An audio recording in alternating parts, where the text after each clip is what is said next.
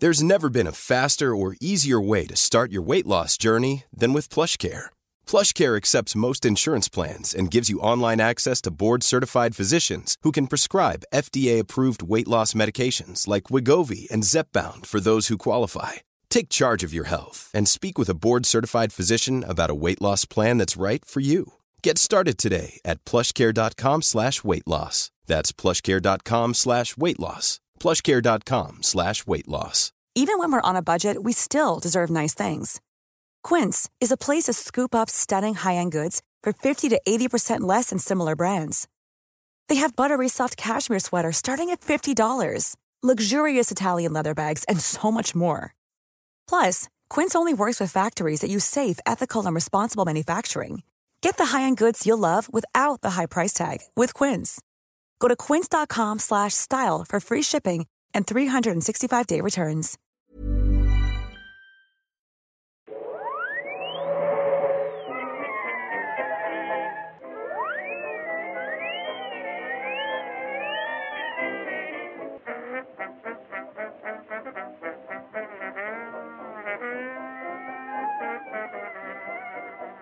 Då börjar jag bara. Nummer två. Hej och välkommen till Nörden och jag. Det är jag som är Fabian.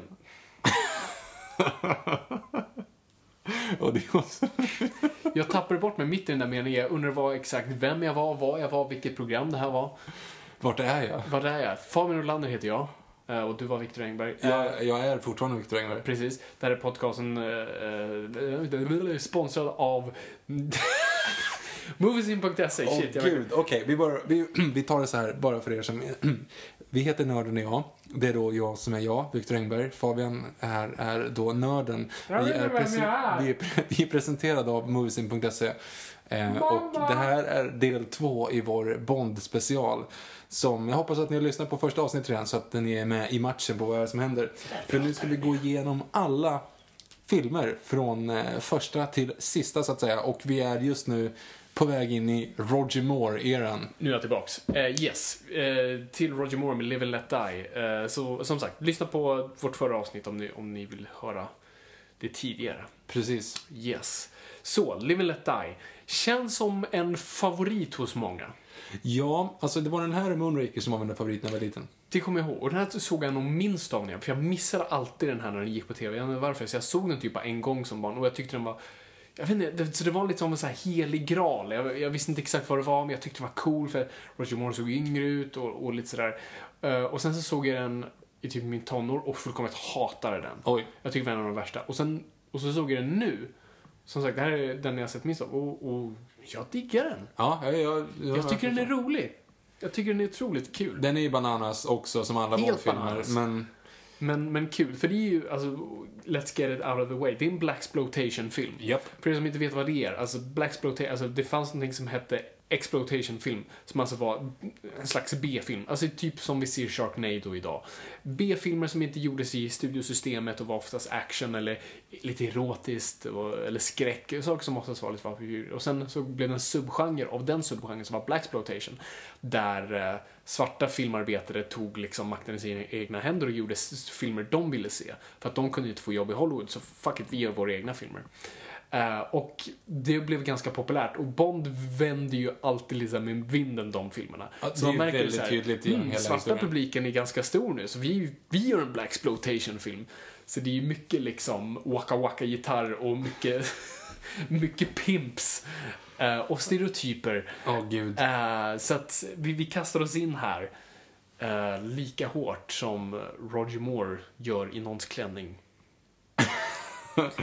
Okej, för det första. Vi har background-storyn. Vi har precis sett Diamonds of Forever. Som är ett stycke skit. Men vad var det som hände under produktionen? Eh, ja, men alltså de, de gör den och Connery säger jag gör bara det här. Then I'm out. Eh, så då är det ju ännu en gång fråga, vem gör vi, vem, vem blir nästa Bond?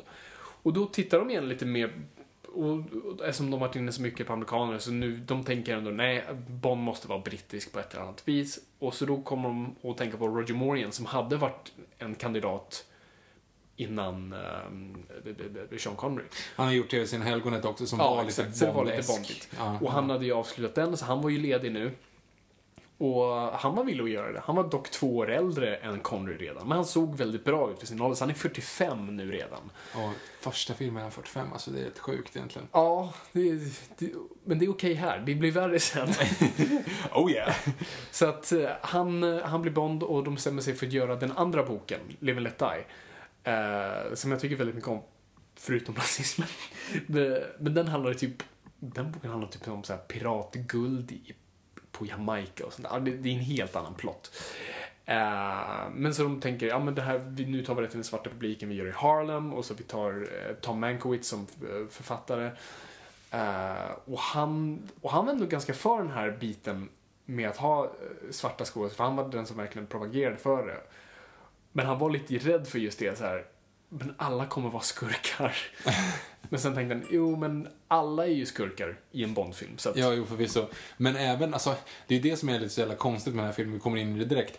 Alltså, han får ju också medhjälp av en mörkhyad CIA-agent. Som du vet, då tänker man så ah, en, en, eh, en god tjej, eller som ska hjälpa Bond som är CIA och ska vara liksom tuff, ball.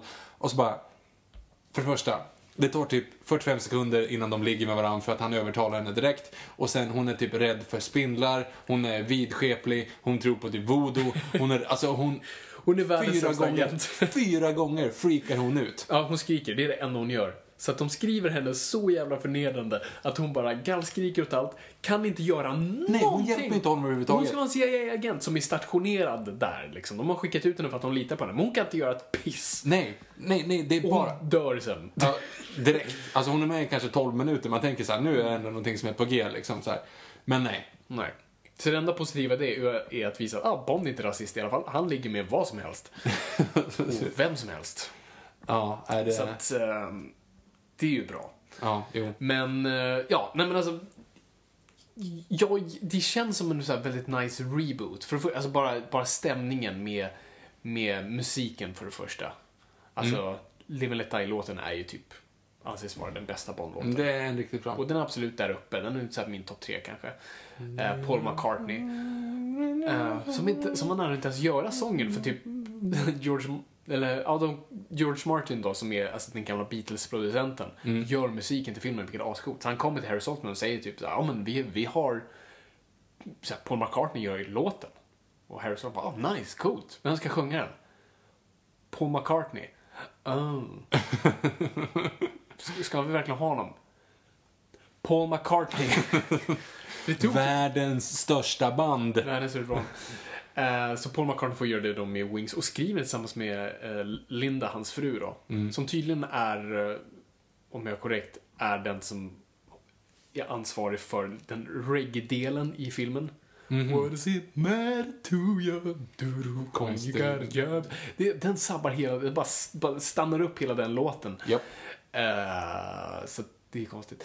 Eh, men jag älskar musiken i den filmen. George Martin gör jättegod, konstig groovy soundtrack med just den här waka waka gitarren och väldigt såhär amerikanskt sound och väldigt 70-tal men samtidigt har stråkarna kvar. Det går inte helt såhär s- eh, elektriskt. Så att jag gillar för det första bara stämningen. Ja, nej, men det Och en cool första, det känns väldigt bondig den inledningen. Det är nästan tillbaks till Dr. No med den här begravningen, jazzbegravningen i New Orleans. Mm. Whose funeral is it? Yours. Och så. Mm. Nej, men det, det, ja, oh ja, jag gillar det. Eh, jag, jag tycker att det är en häftig film. Mm. Jag får inte riktigt ihop att det är en Bond-film, måste ändå säga. Och sen så det här, det är ju extremt häftiga miljöer när de är i Harlem. Alltså Harlem på 70-talet var ju liksom inte Guds bästa plats. och de, och de, får, de fångar ju det liksom så Mm. här, och att, Sen ska man också tänka att alla liksom eh, mörkhyade är i maskopi med varandra. Liksom, och de, de Alla känner säger, alla. Ja, men alla känner alla och de säger typ så Åh, en vit man, vad är du här? Liksom. Som de säger, honky. Ja, just det, Honky är de kallar honom. Ehm, Så det är absolut en vit man som har skrivit den här dialogen. Japp, och sen har jag även också att den här, jag har lite problem, men jag ska, jag ska skärpa mig för jag ska inte ha problem med den här tidsåldern och bara kvinnosyner och allting. Mhm. Men den här då, hon som är eh, mediet, som Ja. då ska vara liksom Solange. så länge... Så Nej, är det. Solange? Nej, Nej, Solange. Solange är väl... eh, Eh, Ja, just det. Solange i fan Casino Royale. ja, Uh, gud, vad heter hon? Hon heter ju något hon sånt heter där. något. Ja. Hon, det som är i alla fall, är, är att hon kan spå framtiden. Solitär, sorry. Så länge hon inte är oskuld. Eller så länge hon är oskuld. När hon Precis. blir av med sin oskuld, då kan hon inte spå framtiden längre. Men det innebär också, alltså om man, om man tar det här, liksom hårdrar det här, i Bond-universumet Mm. så kan man spå framtiden. Är det det de försöker säga? Alltså i den här filmen så bekräftar de att magi existerar. Visst är det så? jo, alltså... Alltså för det är så, för, först tänkte man så här, när jag, första gången jag, när jag såg den så tänkte jag så här, jaha, det där är ju bara så här vidskepligt. Alltså hon, självklart så kan hon inte spå framtiden redan nu. Och sen så tror han att när hon blir av med oskulden så kommer hon att sluta. Men det är ju verkligen så, hon kan se in i framtiden, men efter att hon ligger med sen så kan hon inte det längre. Och framförallt, Baron Samedi kan inte dö. Och den är också jävligt konstig. Ja, det är jättekonstigt. Förut älskar jag Baron Samedi. Jag tycker han är en av de ballaste Bond... Han är inte ens en skurk, men han är Bond-karaktärer. Ja, eller Henchman eller vad det är. Henchman, Liksom. ja, jag tycker han är jätteball. Han Ja, var ju en sån här eh, Broadway-skådis. Och han koreograferade alla grejer i, alla danser i filmen. Det är en ascool scen. Ja, när han står, första gången man ser honom när han står och kör den här dansen liksom. Det, det, det är väldigt speciellt, men det är ascoolt. Ja, Jag tycker han är asball. Nej, men, eh, och så gillar jag, vi får se hemma hos Bond, vilket vi aldrig gjort tidigare, hans lägenhet. De två filmer som utspelar, jag tror det är den enda, förutom nu vad vi kan se av Skyfall-trailern, ser man i alla fall en bild av hans lägenhet. Mm. Du menar Spectre, antar jag? Sa jag Skyfall? Ja. Spectre, fuck it! Jag blandar ut, eller för sig, du har jämfört alla tidigare, alla filmer med Moonraker hittills. uh, är den här Moonraker? Um, den, får- den får man se, och M kommer hem till honom. Han får sina gadgets där. Just det, för här har vi ju inte Q, så han får ju typ alla grejer där och då. Bland annat den magnetiska klockan. Ja. eh, som jag tycker är ascool, för det är en Rolex Submariner. Uh, och såna där bitar. Så jag gillar att den, den känns så annorlunda. Och jag tycker, här känns Roger Moore bra. Han är snygg. Han är stilig. Han är verkligen Bond. Och han Alltså- har den där jättesnygga eh, rocken på sig när han är i Harlem. Men det är återigen, alltså, han är yrkesmilitär. Han är en commander. De, de kallar Commander honom liksom. absolut. Men han är ju inte tränad för fem öre. Skoja inte. Alltså den här snubben, alltså Connery kanske inte varit den fittaste mannen på jorden, men han hade varit fit, så han hade bra grundfysik. Connery har inte lyft mer än en Nu cigarett snackar i vi om Connery igen. More! Fuck it! More har inte lyft mer än en cigarr. Nej, alltså han har inte gjort alltså det. Det, det är väl verkligen tydligt. Det är som du säger i eh, det blir kommentaren. Han är skinny fat. Ja. Alltså han, han är form, hans kropp är formad som en G-klav ungefär. Alltså det är verkligen, ah, nej, han är inte Så det är vältränad. därför, det är så kul, ju längre filmerna går, ju högre blir hans byxor för att dölja hans mage. Och här är de redan ganska högt upp, liksom. Här är en typ till bröstvårtorna. Ja. Eh, och också vad som gör honom så omacho, en av mina favoritscener är när man ska mörda på honom, för man måste göra det på ett speciellt sätt. Så att man tar in en, en boaorm.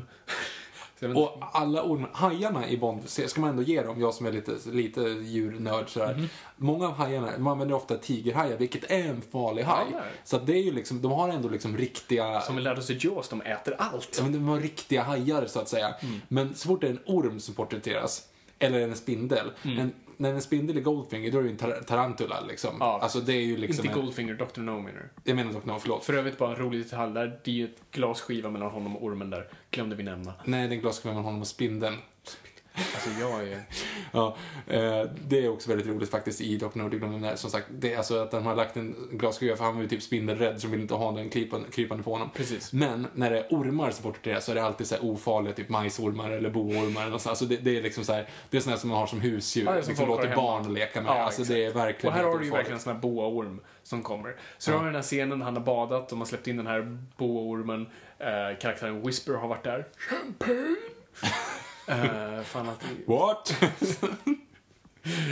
Eh, och så ska Bond ta på sig typ cologne Ja. och samtidigt tända en cigarr. Och så kommer då den här ormen och så ska han bränna den till döds då med sin spraycologne och eh, cigarren. Och om ni kan se den scenen, kolla på hur, hur Roger Moore ser ut när han ska tända den här elden. Kan man se mindre macho ut? Alltså, han han halvt rädd. blundar och så här, så här, tar bort sin andra hand och ser verkligen så här livrädd ut. Ja, och det är det som är lite roligt med Moore, för Moore var ju pacifist. Så han hade ju inte det i blodet. Alltså, han gillar ju inte att slåss. Och det är det man märker i de här tidiga filmerna. Han är bety- men de skriver fortfarande för Connery. Japp. Så att han slår kvinnor, vilket känns inte alls Roger Moore-aktigt. Nope. Eh, Och han tyckte själv det var jättejobbigt att göra det. Så att det tar ett par filmer innan han liksom får sin Bond. Så här är det fortfarande lite mer Connery rå. Och det är inte Connery, eller Moore. Nej, nej. nej. nej och jag, tänkte på hon eh, mediet där igen, eller mediumet. Solitaire. Eh, Solitär, precis. Vad är hans plan med att, att ligga med henne? Bond, Ja. han är ju bara kåt. Nej, men alltså, det, Alltså, det han får ju bara in och, där. och saboterar för henne. Han sätter ju henne i livsfara egentligen. Precis. Det finns ju ingen, eh, så här, för han tror ju inte på magi ändå, så det är inte så att så här, om jag ligger med henne så försvinner magin. Nej, nej, han går ju bara in och gör det. Och det är det som är så jävla konstigt. Han utsätter henne för livsfara och sen sticker liksom och fort, låter henne fortsätta där. Mm. Exakt. För att som sagt, han tror ju inte, det hade kunnat vara om hans plan är att gå in där så du inte kan spå framtiden längre. Fast Mm. bara, nej, det, det, han tror ju inte på det. Det, alltså, det är så rolig scen. Jag gillar bara, du vet den här scenen då han väl får ligga med henne för att hon tar kortet älskarna. Och så ser man det här skämtet att han har ett helt kortlek med bara älskarna. Jag gillar, han måste ju gått och köpt dem där. Japp. Han måste ju gått till någon och bara, du kan jag, jag vill ha en kortlek. Ja, ja absolut, vi har Tarot, jättebra, perfekt. Jag skulle vilja ha bara älskarna. Så vi har inte dem. Okej, då gör vi så här. Jag köper alla tarotkort och så plockar jag ut älskarna. Så han har suttit hemma sen och bara, och där går den, och där går den, oj, där kommer jag där. Så det här är en process som har tagit två dagar. Ja, bara, för, bara för att få ligga. Alltså, han är ju desperat. Ehm, ja, precis. Och planen fungerar. Och vad heter han med klon? Uh, Tihi. Ja, det- är så mycket konstiga bikaraktärer. Whisper och Tihi och Baron Samedi och... Ja, förlåt, jag tycker det. Ja. Ja, Tihi. eh, som då är, ja, som leder oss till den mest fantastiska scenen i filmen med krokodilerna. Ja, den är Då- cool. Då Bond ja, luras ut på en liten platå där i krokodil slash alligatorbadet. Både och faktiskt. Ja. Eh, så Bond måste ju ta sig därifrån och då är den här känslan att han springer på krokodilerna som var riktiga krokodiler. Mm. Det är ju det som är så sjukt. Och om ni har DVDn med extra material, gå och kolla nu, det kanske finns på YouTube också, hur stuntmannen gör det här fem gånger och misslyckas fyra gånger. Och det är bland det obehagligaste du kan titta på, för det är någon gång han fastnar i munnen på någon. Alltså han klarade sig helskinnat, men det ser så jävla läbbigt ut. Det var inte en stuntman, jag tror det var krokodiltämjaren, alltså det var han som hade dem. Eh, som dessutom hette Scaramanga. Nej, Scaramanga. Han hette... Vad heter Mr Big? Han heter... Eh, inte han som är tillsammans med Carrie i Sex and City, utan den här Mr Big. Exakt. Ja, vad heter han? Jag kommer inte Gud, ihåg. Vad heter han? Nu får jag ju så här riktig jävla brain freeze. Kananga. Kananga, just det. Kananga. Vilket var Kananga. bra. Så- För han heter Mr Big i boken. Eh, och de har ju den titeln, men samtidigt döper de honom till Kananga för att krokodil... Det handlar... För att vara schysst mot honom, eller? Jag vet inte, de tyckte om det namnet. Så här, Fan coolt, och det här var en vit snubbe. Så, liksom, Kananga, sounds black. Eh, så att, och, och du har ju Jaffet Kodo som, som Mr Big då. Som jag tycker om. Jag tycker han är en bra han är bra. Bondskurk. Han är bra. Förutom den konstiga delen då han är sminkad. Ja. Som inte jag först fattade att han var. Han såg ju bara väldigt konstig ut. Ja. För i boken har han någon sån här deformering, att typ så här, han får inte tillräckligt med blod till hyn så han är typ lite grå. Så det är typ det man tror att de gör först, men sen så visar det sig att han har sminkat sig som någon annan.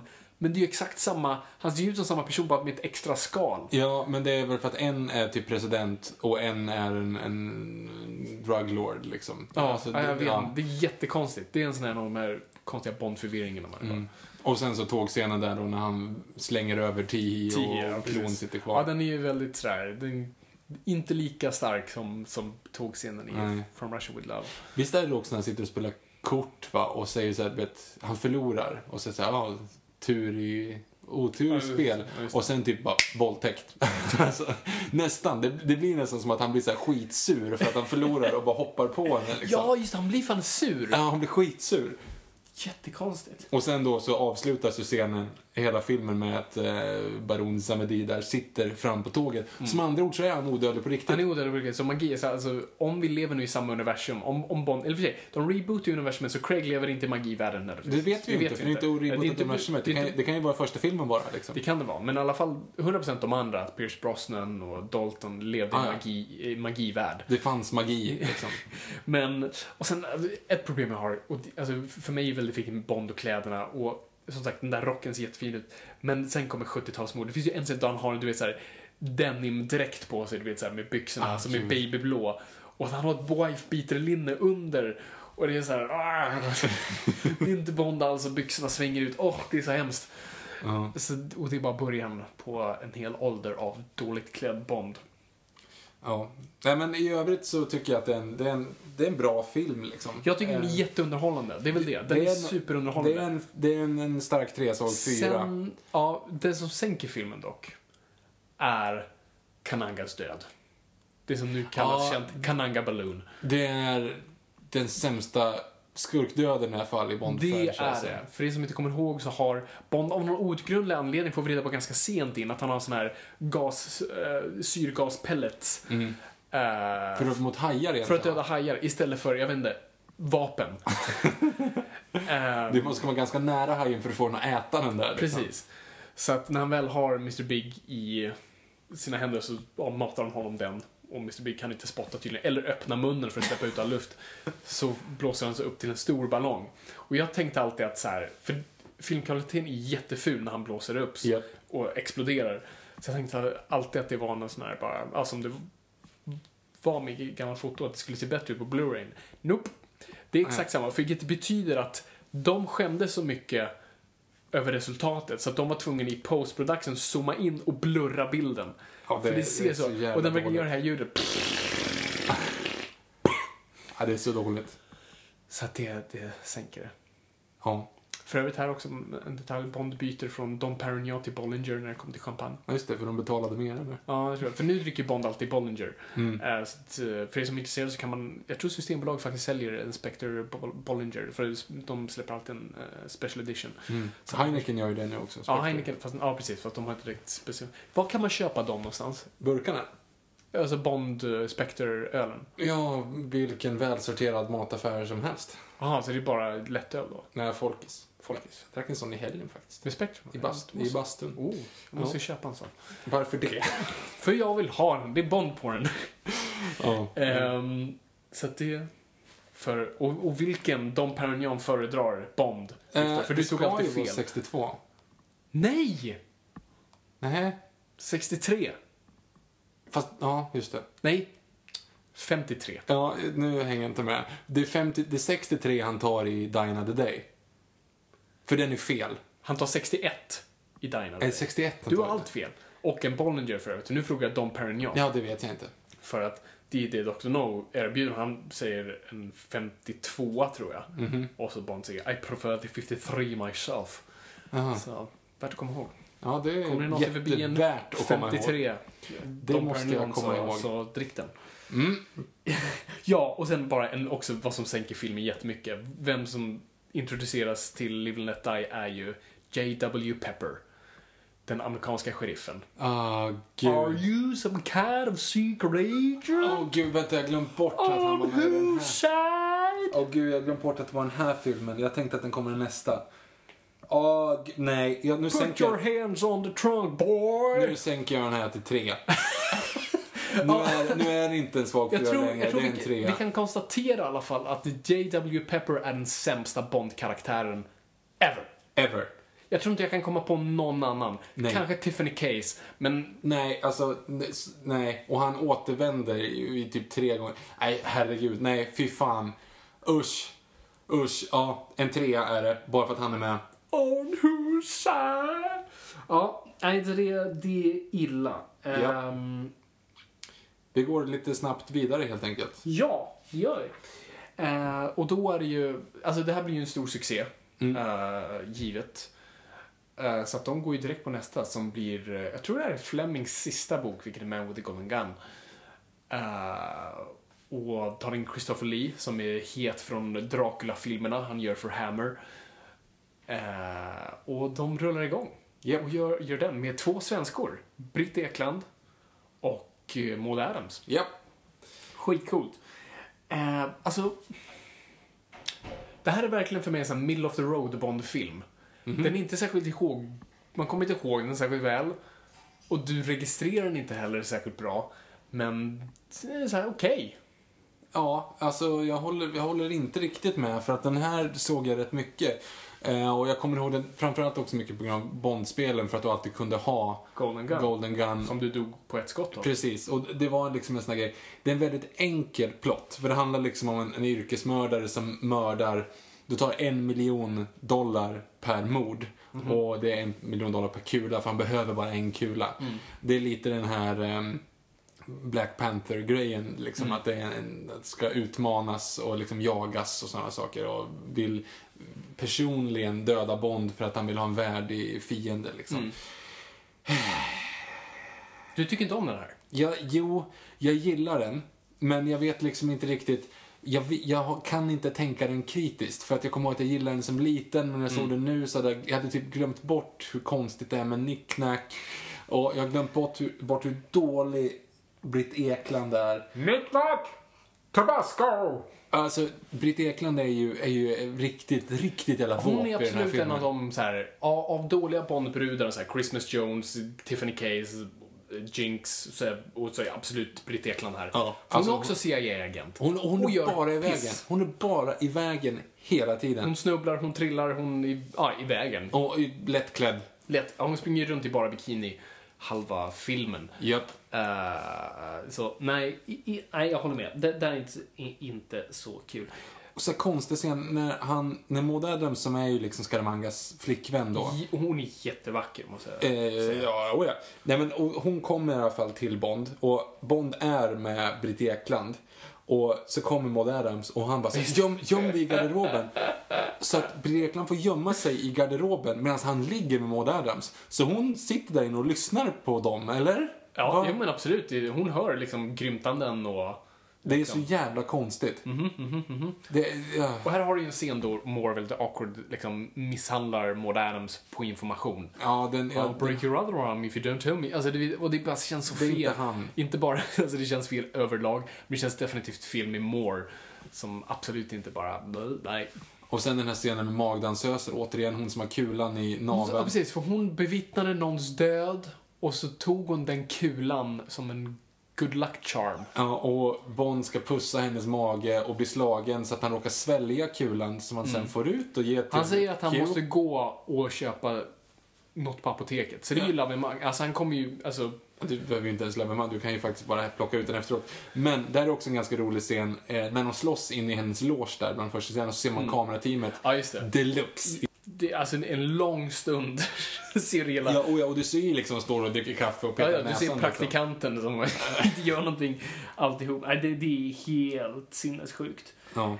Ehm, sen tycker jag det är också roligt bara med vaxdockorna i Det Scaramangas. har jag också glömt jag hade, jag hade helt glömt bort, för jag tänkte bara att det var Madame Tussauds-dockor och nu när jag tittar på den på stor skärm så är det ju människor Japp. som vaggar jättemycket, som inte kan ställa, och särskilt Roger Moore då, som är i, ska vara i en sån här pose, Bond-pose med handen uppåt så här. Och man ser att han bara står och darrar. Ja.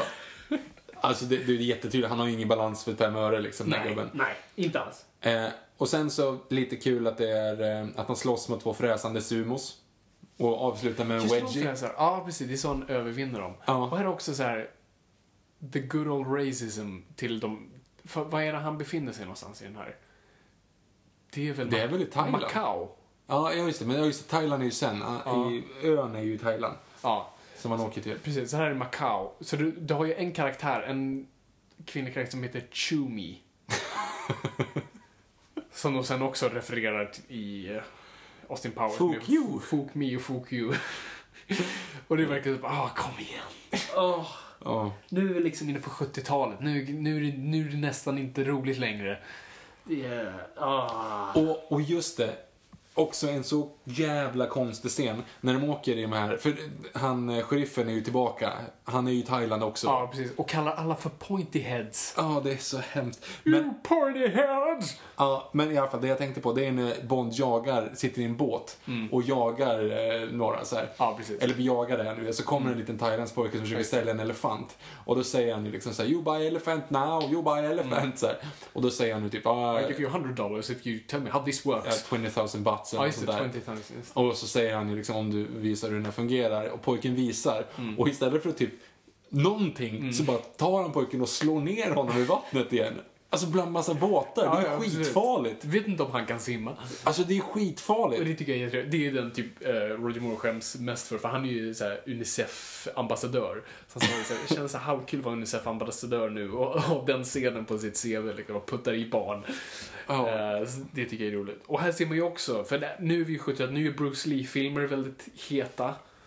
Ja, just det. Eh, och karaterullar. Så att eh, vi har ju jättekonstiga karatesegment. Du vet när, när han är på en jävla karateläger Japp. igen. Eh, och sen kommer de här flickorna som också kan karate. Och det är bara, verkligen, de har bara tryckt in den scenen. För, Ja. Alltså det är mycket som alltså det, det är en ganska kul historia. För det här var Harry Saltzmans sista Bond-film. För att han var väldigt dålig med pengar. Och han, eh, och det är därför han var tvungen att dra sig för finansiella problem. Och det märks, för att i den här filmen, för de var i eh, Macau och, och kollade omkring och så sa han så här, hmm, fan, en elefantscen vore nice. En elefant-stampede. Liksom massa elefanter som springer. Och då fick han reda på tydligen så här, ja men för att eh, elefanter ska kunna springa i så här urbana miljöer så måste de ha skor. Så, så han beställde så här 250 elefantskor. och sen glömde bort det. Så när de kom till produktionen sen ett halvår senare så fick de en leverans på 250 elefantskor. Så alla bara, vad fan är det här?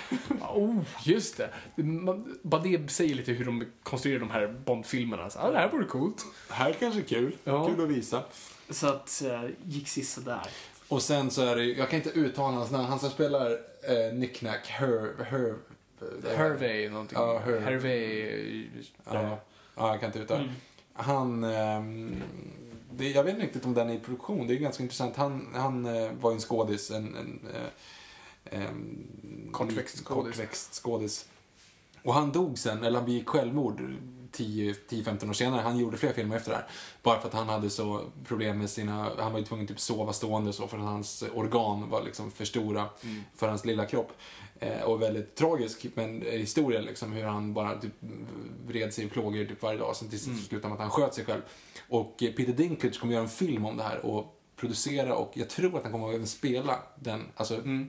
riktiga storyn om den här skådespelaren som jag inte kan uttala nu, Herv, jag tror Herv.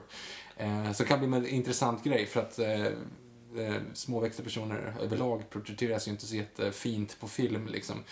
Eh, så det kan bli ganska Och den här intressant. filmen hjälper ju inte. Nej men det är det, För det slutar med att Bond till. fångar honom i en resväska. Ja, och hänger upp honom i en liten bur. Alltså det, det är liksom, ja, Ja, det, det, det är lite... Den, den, ja, Nick Nack är en konstig karaktär, liksom. japp. Det är väldigt Eh, flippat överhuvudtaget det det är där. flippat. Ja, det är mycket flippat. Alltså som sagt, tredje bröstvårta. Uh, bara sådana grejer. Och det är då också när James Bond, världens bästa spion och Commander Bond Mm. tar av sig skjortan och tänker så här, Karateexpert. åh gud!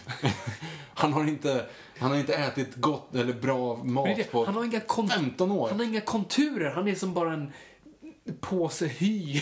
Ja, han, han är lite så här farfars kropp redan. Jo, Liksom. men verkligen. Alltså, det, det, det, det, det är bara det han är. Ja. Så att, nej, det, det är mycket konstiga grejer i den här filmen. Dock gillar jag Christopher Lee som skurk. Han är jag tycker han är Han är väldigt fantastisk. Det som är coolt också, han var ju kusin med Ian Fleming. Eh, och också själv var en sån här Secret Service-person i, i, i kriget. Jag älskar Christopher Lee på alla Och sätt. jag älskar också, han kunde svenska, så han satt ju och typ pratade svenska med Maura Adams och Britt Ekland hela tiden. Så jag tycker han är skitcool, och jag gillar det, för han pratade väldigt mycket om det i intervjuer, att han vill göra sig till en så här spegelbild av Bond. Mm. Han ville vara liksom version, eh, version av, och nu när jag, jag, när jag kollade Skyfall för, för någon dag sedan, så tänkte jag fan, shit, det är exakt det de gör i Skyfall. För Skyfall ska ju vara den, Scaramanga och, eh, och Javier Bardems karaktär är väldigt lika. Mm. Det var ganska kul att se. Men så jag gillar honom. Sen är ju plotten jättekonstig. Det- Han ska med solenergi eh, bränna upp någonting. Jag säger att om man liksom går ner, jag tycker att det här är en tvåa. Den är liksom, den är schysst. Ja, jag säger en tre. Jag var, jag var lite mer positivt överraskad. Jag tycker den är underhållande.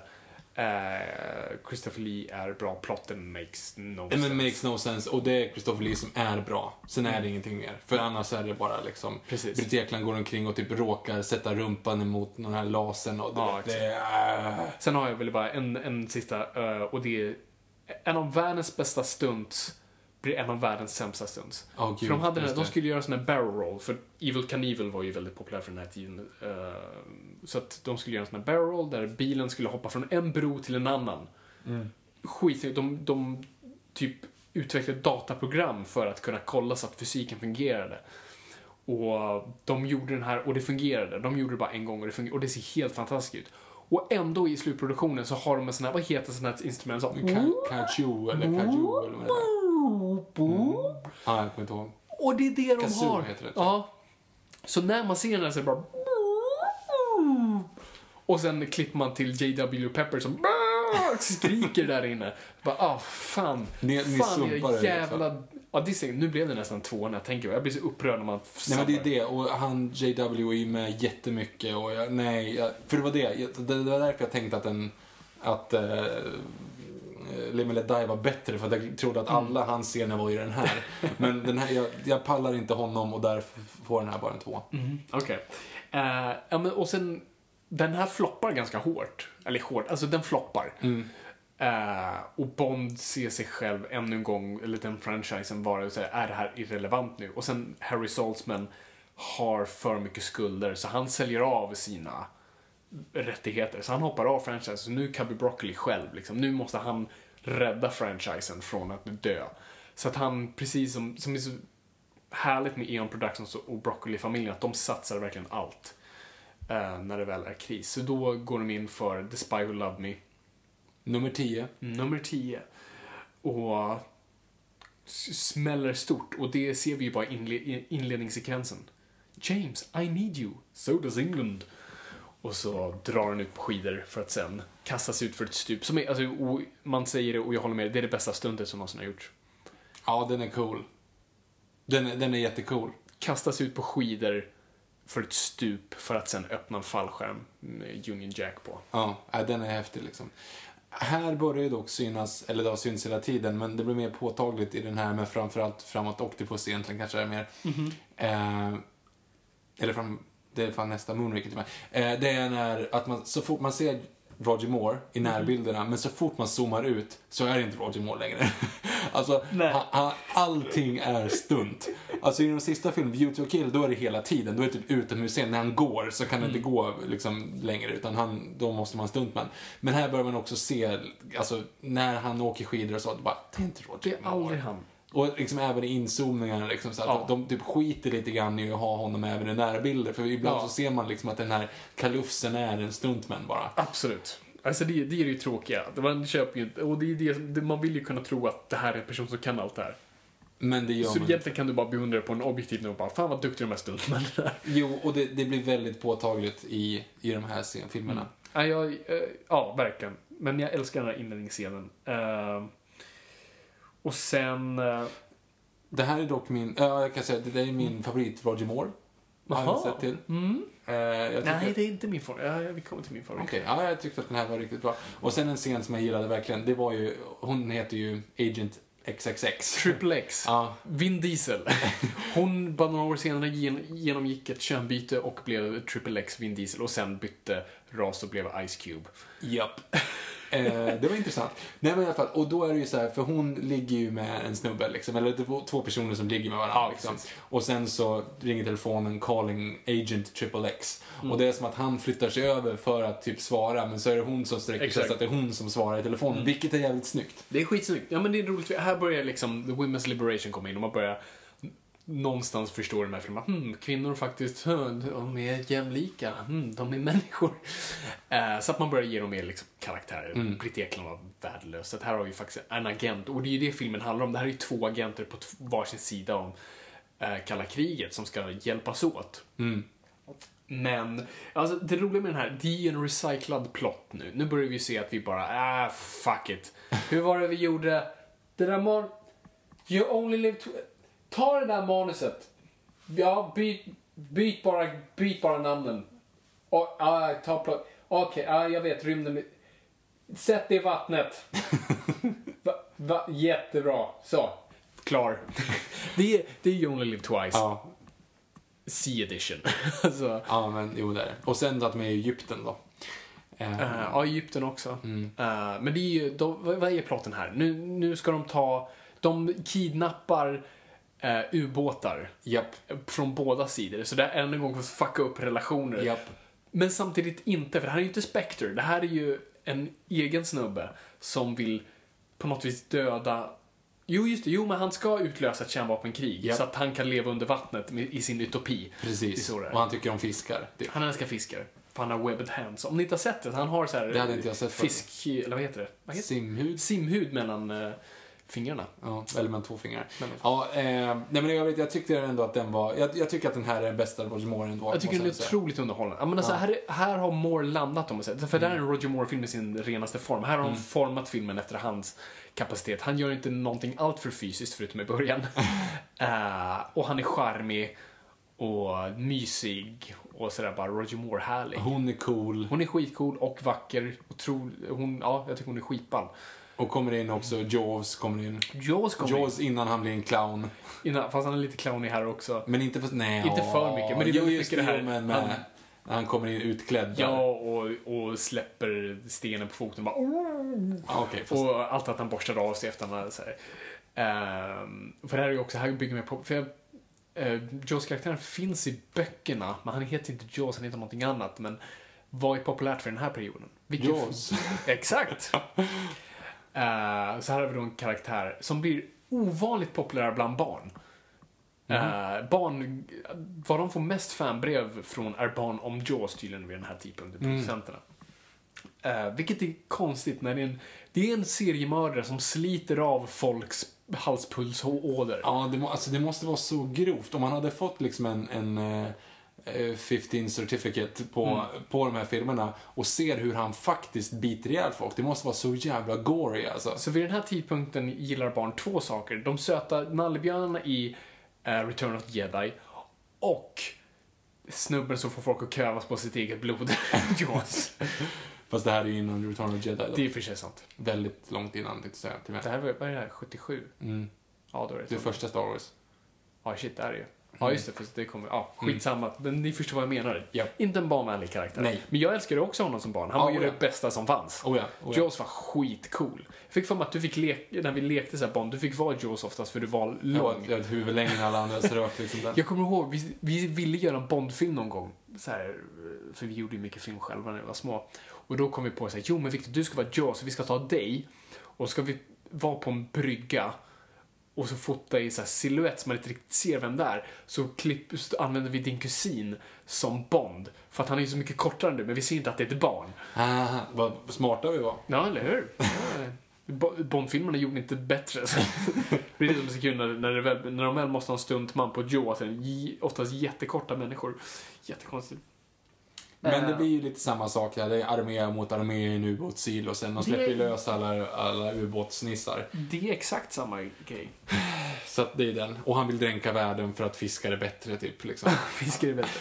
Sen en cool grej bara. eh, För när, när de skulle filma insidan på det här skeppet som äter ubåtar, så var det för de byggde just ett 007 Stage som är väldigt känd nu, som fortfarande finns kvar, eller har brunnit ner några gånger, men eh, det har blivit en ikonisk mm, liksom, studio i Pinewood Studios i England som heter 007 Stage. Eh, så de byggde den för den här jävla båten och de hade ingen aning hur de skulle ljussätta den. De liksom gick inte, och jag tror fotografen höll på att bli blind under inspelningen så det var jättekaosigt. Så de tog in Stanley Kubrick som typ bredvid spelade in, uh, jag tror Shining vid den här tiden. Eh, så de tog in honom och han sa okej fine, jag hjälper er. Så länge ni inte säger någonting om att jag gjorde det. Mhm. Så det är ganska coolt. Så kolla på den sidan så ser man att det är Stanley Kubrick ljussättning. Det visste jag inte om. Det är ballt. Men, nej, men jag gillar den annars. Jag tycker, den är, jag tycker absolut det är en underhållande. Och just för att den är under, den är ju lite så här töntig och dejlig så, men jag, jag tycker att den är en underhållande film så därför är det en, en, en svag fyra för mig. Mm. Med bond, Ja, men- Bond-måtten Ja, mätt, liksom. en- ja, en svag fyra skulle jag också säga. Mm. Eh, och den här blir ju en jättehit. Japp. Den här blir ju enorm.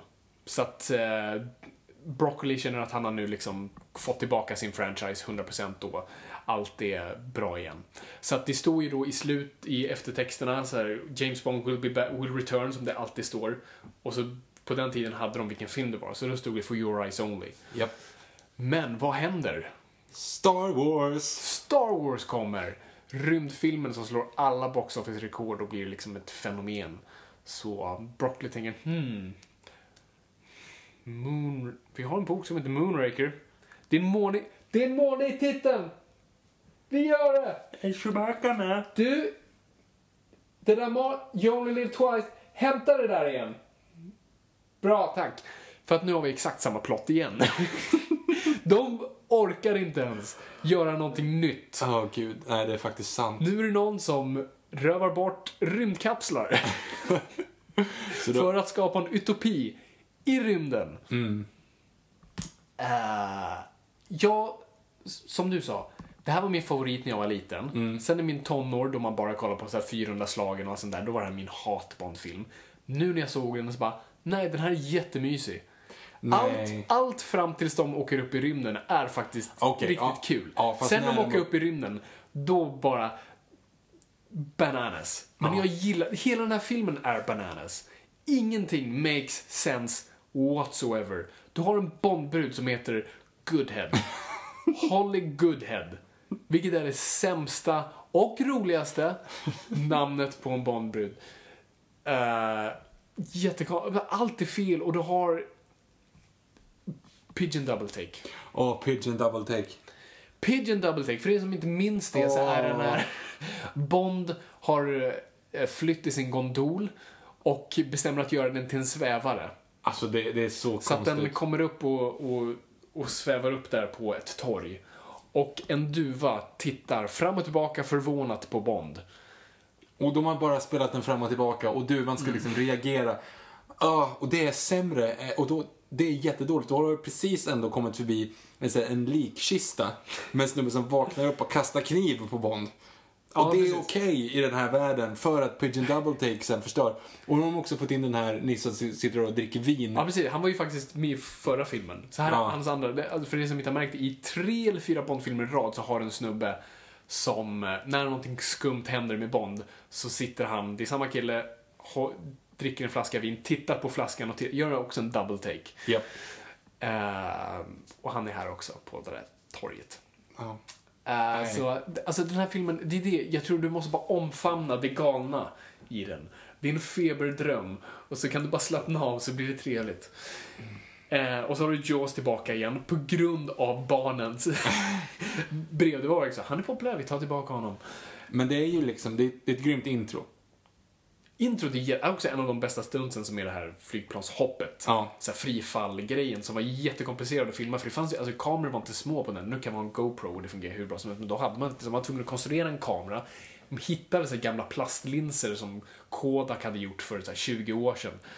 Eh, och så lyckades de filma skiten med, så här, med fallskärmarna under sina kostymer. Och det ser bra ut. Förutom att Jaws försöker flyga. Han flaxar. Och då blir det cirkusmusik. Och han flaxar. Ja, det är Och det är här liksom, det var, alltså här börjar verkligen Moore-filmerna bara tappa det. Jo men och det var jättebra, för när man var tio så tyckte man att Det det, här var jättekul. Eller jättebra Det är till och med. Man, man såg det inte som roligt, utan man såg det som en spännande film. Absolut. Eh, också så lite grann med djurhållning. De har ju världens bäst dresserade fasaner i de här scenerna. Vänta, vilka fasaner? När de är ute och jagar. Alltså det är helt sjukt, de är så duktiga. Alltså, jag, jag är så imponerad att de. Alltså, de, fasaner är ju väldigt svåra, det är ju liksom vilda djur. Men att de ändå har fått liksom någon som har tränat en fasan att flyga och sen när de säger till så bara slutar den flyga och faller bara rätt Ja, ner i och backen. kan tappa lite fjädrar och sånt Det är där. det är ju jätteduktigt det är tränat av de ja, fasanerna. Victor, jag måste berätta en sak. De sköt Ja. dem där på riktigt. Va? De, de sköt fasanerna på... Nej, nej, det fanns inte. inga regler om hur man behandlar djurfilm på Nej, det sättet. Det, men- var, det var en hagelbössa Men som bara de inte- dödade fasaner, som de tog dit i burar dessutom. De var inte vilda fina, utan de verkligen bara avrättade dem Nej, där men de där fasanerna, de levde ju vidare och med sina, alla sina fasanbarn och bodde på... Nej, det är inte sant. De, de, de dog horribelt i en, i en hemsk död.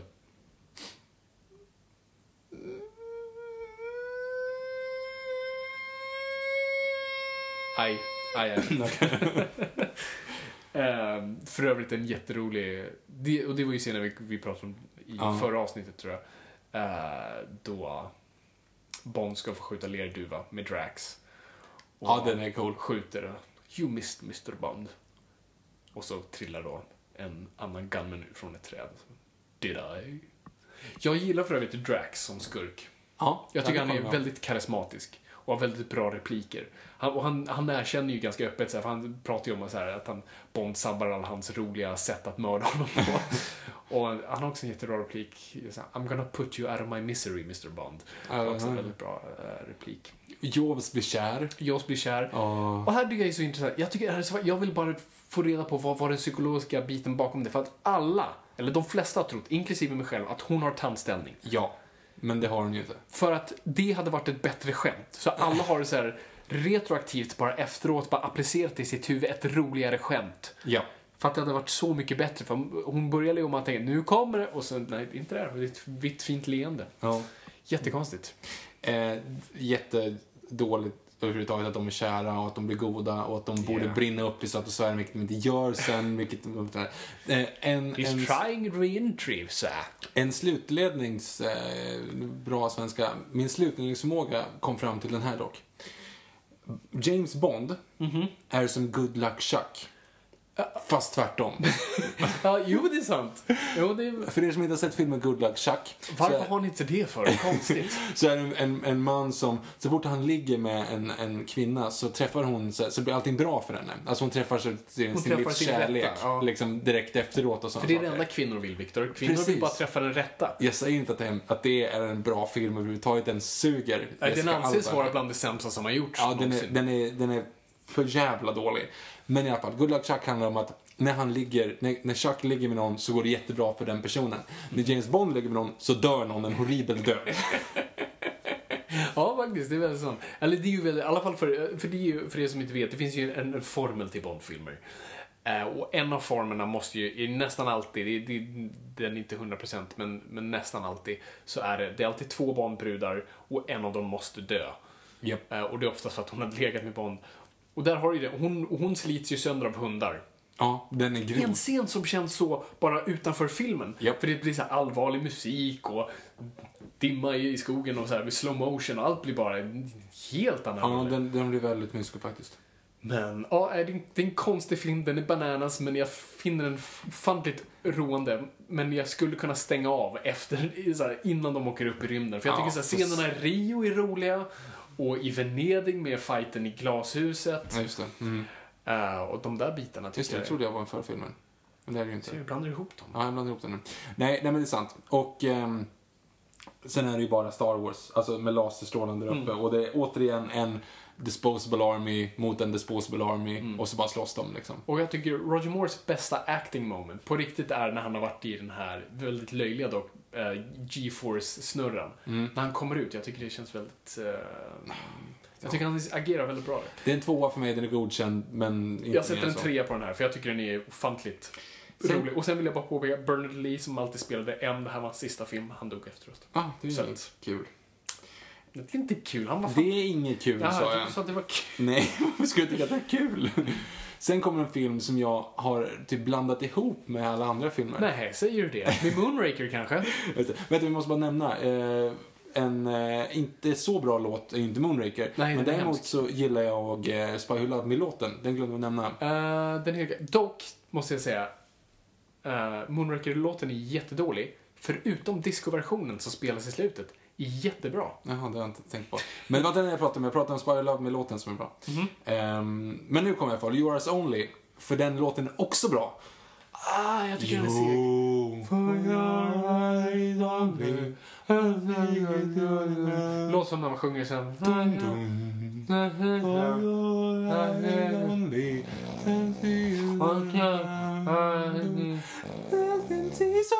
of me, the much of me that's new. But no one else. For your eyes only. Det är lite för högt för det. Only for... Det är för högt för allt. Ja, vi kunde ju inte ha ett avsnitt där du inte sjöng. Så att, Nej. Det var, var ju... Här är ju rätt intressant, för att det är det här som jag tycker är så kul med Bond-filmerna någonstans. För att för varje Moonraker du får så får du en, en For Your Eyes Only. För att Bond-producenterna fattade även här, vi gick för långt ner. Alltså, för Moonraker gick jättebra, det är en av de mest inkomstbringande Bond-filmerna som har gjorts. Eh, så det gick ju superbra, men de kände själva såhär, vad går vi här? Vi Bond har varit i rymden, vi kan inte göra något mer. Så att då, och Cubby Broccolis grej var alltid såhär, när du tappar fokuset går du tillbaks till Fleming. Så det var deras eh, tanke där. Så då, nu vill de göra en mer allvarlig och så här, verklighetsgrundad Bond. Och det får jag i For Eyes Only. For Eyes Only har ju så här, verkligen en simpel plot. Det är en sån här kärnvapenkodare som ligger till sjöss och Mm. de måste hämta den. innan ryssarna gör det. Alltså det är ju det är så här supersimpel, bra spionplott. Eh, alltså jag, jag gillar den, det är inte det. Men det är bara att jag typ blandar ihop den med alla andra Roger Moore. Skidscenerna är asgrymma. Skidscenerna är jättebra, eh, med motorcyklarna där. Mm. Är helt fantastiska. Ja, men de är skitbra. Eh, och än en gång, Roger Moore, typ, inte där. Det är inte han. Han var inte ens hjälpen. Nej, men det känns inte som det. Alltså, det känns inte som att han var... Han, han stod ju på Pinewood liksom. Mm. Och så bara, byt bakgrund och så bara satte de in, liksom, ställde in ett träd. Så här, ja, nu är du på Bahamas. Så tog de ut trädet och satte in en gran. Och nu är du på, i Alperna. Ja, för att nu börjar man ju märka att Bond börjar bli gammal. Ah. Nu börjar man se de här liksom, pensionärsleverfläckarna på händerna och i pannan och, det, och håret börjar kännas väldigt lätt. Och det här, här har du ju, jo det här är, här är, har vi den stora åldersluckan Japp. mellan Bond och Bondbrud. Som då är den här a- akrobat. Första filmen han typ tackar nej till någon. Jo men alltså, här är, fattar även de att det här är inte okej. Vi är snart på pedofilnivå. För det här var så bra. Roger Moore, alltså hon, den här då, akrobaten, eller vad hon, nej hon är skridskoåkare. Ja, skridskoåkare. Konståkerska. Eh, hon, hennes mamma var yngre än Bond. yngre än Roger Moore. Så att det kändes ju fel på alla sätt och vis. Och det är också så konstigt för att de typ ser, alltså de, han, han står och kollar på när hon åker skridskor. Mm. Hon kommer fram och säger liksom till sin farbror eller vad de ska spela att det är för någonting. Som bara så här, åh han, han är snygg, han kan få ta med mig på balen typ. Och Roger Moore bara, okej. Och sen så klipp till hans hotellrum och då ligger hon naken i hans säng. Ja, och han precis. säger bara, nej klä på dig och gå härifrån. Ja, exakt. Han nekar henne. Eh, och sen ändå utnyttjar henne och får information, men inte genom att ligga. Dock här, när vi är inne på Bondbrudar så har vi nog en av de absolut bästa Bondbrudarna. Mm, just det. Hon Revenge Story. Electra. Ja. Jag tycker hon är skit... För Heter här- hon Electra? Ja, hon heter... Jag är ganska hundra procent. Nej, det är Electra. Det är ju- Electra King är i... Ja, jag, det är tänk- ju- jag, för vet du vad jag tänker? Nu, jag tänkte grek och jag tänkte Electra Daredevil. Så det där, där dit jag gick. Kommer inte ihåg vad hon heter. Va? Electra i Daredevil. Är hon grek? Hon är grek. Det visste inte jag. Ja, Jennifer Garner är inte grek. Mm, långt ifrån. eh, nej, men hon är skitbra, för hon är en av de få barnen som motiveras, alltså har sina egna motivationer. Hon är ute efter hämnd. Och Bond är bara där som någon som kan hjälpa. Så hon utnyttjar egentligen, eller båda utnyttjar varandra på något vis. Japp. Och jag gillar den biten. Och de utnyttjar inte varandra för sex, utan de utnyttjar varandra för ett mål. Så Japp. hon har ju sin grej hela tiden. Hon är ju inte en som du vet, offrar det som ibland händer i de här tidigare, de bomber har ett mål, så offrar hon upp det målet för Roger Moore. För övrigt kom bara på i, ja det är Spy You Love Me som har den konstigaste just, du kommer ihåg när Bond hånglar med en brud som hon precis har träffat. Och så kommer en skurk som ska skjuta Bond, för det är det hon är där för, för att lura Bond. Och hon blir så förälskad i Bond. just det. Så Åh, hon säger fan, vad dåligt. No! Åh, och Gud. offrar sig för honom. Hon har det- hånglat med honom i två minuter. Det trodde jag var ett Beauty kill. Just fan, det är den. och så dör hon. Ja, det är dåligt. Så där har du ju liksom lågpunkten av Moore och här har du på något sätt höjdpunkt. Här har vi en liksom, kvinna som faktiskt är, hennes föräldrar mördades framför hennes ögon. Hon blir Batman i stort sett. Så hon går runt med en armborst, skitcoolt, och ska få sin hämnd. Mm. Och Bond råkar bara ha liknande motiv, eller de, deras motiv länkar åt samma håll. Japp. Så jag tycker det är skitbra. Jag tycker hon är jättebra. Jag tycker, nej, allt fungerar där. Så det tycker jag är en härlig uppgradering. Ja, jag håller med. Jag håller med. Men sen, alltså, ja. Det är ju skidscenerna där som är coola, men sen så blir man ändå lite... Jag, jag tycker att det är lite jobbigt att, att en av ens idoler blir liksom för gamla. Ja, det, Ja, de- nej, men det- det- det- det köper- börjar gå ut för Då liksom. köper du inte det längre. Och nu kommer ju också för övrigt en av de konstigaste så här, samhällskommentarerna. Mhm. Sista scenen. Med Thatcher. Ja, just det. Margaret Thatcher med en Bondfilm. Det är så Inte den jävla riktiga. konstigt. Mr Bond, åh! Ja, det är så som, pratar övers- med en, som pratar med en papegoja. Det är så överspelat Ja, och det så jävla Och hennes konstigt. man som är såhär... Ja, men Mr. Bean. det är så jävla konstigt. Det är jättekonstigt. Jag tycker det, det här är en av, den är, ja det är jätteskumt faktiskt. Det, det, är verkligen så här spräck, det, det hade platsat i Moonraker. Hade de haft den där hade det bara varit underbart. Ja. Men här blir det bara jättekonstigt. Eh, det är mycket saker de trycker in i den här filmen. Jag tycker också så här, det, det måste varit någon vinter-OS det här året, eller året innan. För det är bara sånt. vintersporter i den här. Alltså, alla, det, är- det är någon jaktscen där Bond gör alla vintersporter. Han åker igen sån här, du vet, släde, vad den heter. bobsled. Bobsled. Han hoppar backhoppning. Ja, just det. han, åker, han, Han spelar hockey. Han spelar hockey en gång. Eh, han gör massa konstiga grejer. Så att Han spelar hockey. han spelar hockey. Så det är så här jättemycket Som skumma. konstigaste, det, det är också så här sjukt konstig henchman-grej. Han står i en ishall Mm. eh, och så kommer det in tre snubbar i hockeyutrustning som åker in och bara tacklar honom. Precis. Och han går omkring med sina skor och halkar runt där. Och ändå klarar han dem Och det blir så fem. helt jävla uppenbart att det är en stuntman. Han kan inte ens stå på is. Nej, de är rädda att han ska halka och bryta lårbenshalsar. Alltså de är livrädda för att... Ah, det är så... Ja, det är så fult. Och på tal om stunt så har det ju faktiskt en väldigt bra inledningsscen. Som på något sätt försöker länka ihop också kontinuiteten. Vi har Bond som faktiskt lägger eh, blommorna på graven på Tracy. Just det, som är född 1939. 39. Så att det, Hur fungerar det framöver? Skulle det kommer inte fungera så mycket mer, nej. Men nu får jag reboota så det är lugnt. Ehm, om inte Skyfall menar att ha med det. Vi kommer till Skyfall. Ehm, nej men så... Du menar Spectre? Nej, Skyfall menar jag nu. Ja, okej. Ehm, så att, men det är en jättecool inledningsscen. För här har de ju Blowfelt, fast inte Blowfelt, för vi får inte säga Blowfelt för då kommer uh, McClory stämma oss. Ja. Så att du har ju en snubbe som vars ansikte är dolt, som sitter i rullstol och bara så här, styr det här helikoptern. Jättesnygg actionscen. Mm, och sen dödar Bond Blowfelt bara så att de blir av med det. Ja. Så att de slipper tänka på Spectre någon mer. Men jag gillar For Your Eyes Only. Jag tycker det, det är nog min favorit more. För den såg jag mest som, den och Moonraker såg jag mest och den har jag lärt mig uppskatta. Dock tar den lite så här, den är lite för allvarlig för more nästan. Så att du har den här scenen, du vet, då han sparkar ner den här bilen. Ja, den är- den är lite han, grov. Den är skit och snubben verkligen skriker Japp. när han faller och, sen, och man ser hur liket trillar ut ur bilen. Det ser bara, äh, man Ja, hör det. ja, det- Så att den är lite, tonmässigt är den lite fel för honom, men jag, jag vet inte, jag gillar den någonstans. Och, Och den sen- känns, mm, bortsett från musiken som har verkligen den där waka waka eh, synten, ehm, så är, känns, ja, bortsett från det känns det lite mer tidlös. Eh, nej, men ja, nej, jag tycker inte att Och jag gillar att de som- tog bort mycket mer gadgets, det är ju det som var det interna skämtet. Du har ju Lotusen där med världens sämsta eh, inbrottsförsäkring. Det bara exploderar. Den exploderar. Så om, någon hade, om lite barn hade stått där med en boll och råkat sparka på den så hade den flugit upp i luften. Men jag tycker det var en bra grej att så här, vi rebootar om nu lite. Vi går Mm. mm. Nej, jag, jag sätter en fyra på den här. Jag sätter en trea på den. Den eh, är inte lika bra som Spy Lovely, tycker jag. Okej. Eh, vad sen- händer här då, emellan? Ja. Utanför Ion? Ja, det- vad som händer nu är ju att det har gått lite över tio år sen Kevin McClory gjorde Thunderball med Eon Productions. Och Bond är fortfarande på liksom, att Bond har ju, alltså med, med Moonraker varit en jättehit. Så Kevin McClure bestämmer sig för, fuck it, nu ska jag göra min Thunderball. Vare sig ni vill inte. Och så det innebär då att han får använda sig av alla grejer en Bondfilm får ha. Alltså namnen, alltså James Bond, Moneypenny, M, eh, Spectre och Blowfield, Det är han som äger Blowfield nu. Eh, så han tänker göra sin egen... Men han får inte använda sig av så här gun barrel-grejen eller musiken. Han får inte göra något, inget som ägs av Eon Production själva, som, som formen. Men, men allt, Allt annat. som var med i boken, med andra ord. Ja, så att han ska göra Thunderball igen, en remake. Och vem kan han få som Bond? jo, Sean Connery som ställer upp. För att han har väl ingenting, jag tror hans karriär hade gått lite halvneråt. Där innan han får sin så revival med Untouchables och Indiana Jones. Så han är lite på dekis. Ehm, så, de, så han säger fuck it, ja, fuck broccoli. jag gör det här. Så de gör Never Say Never Again.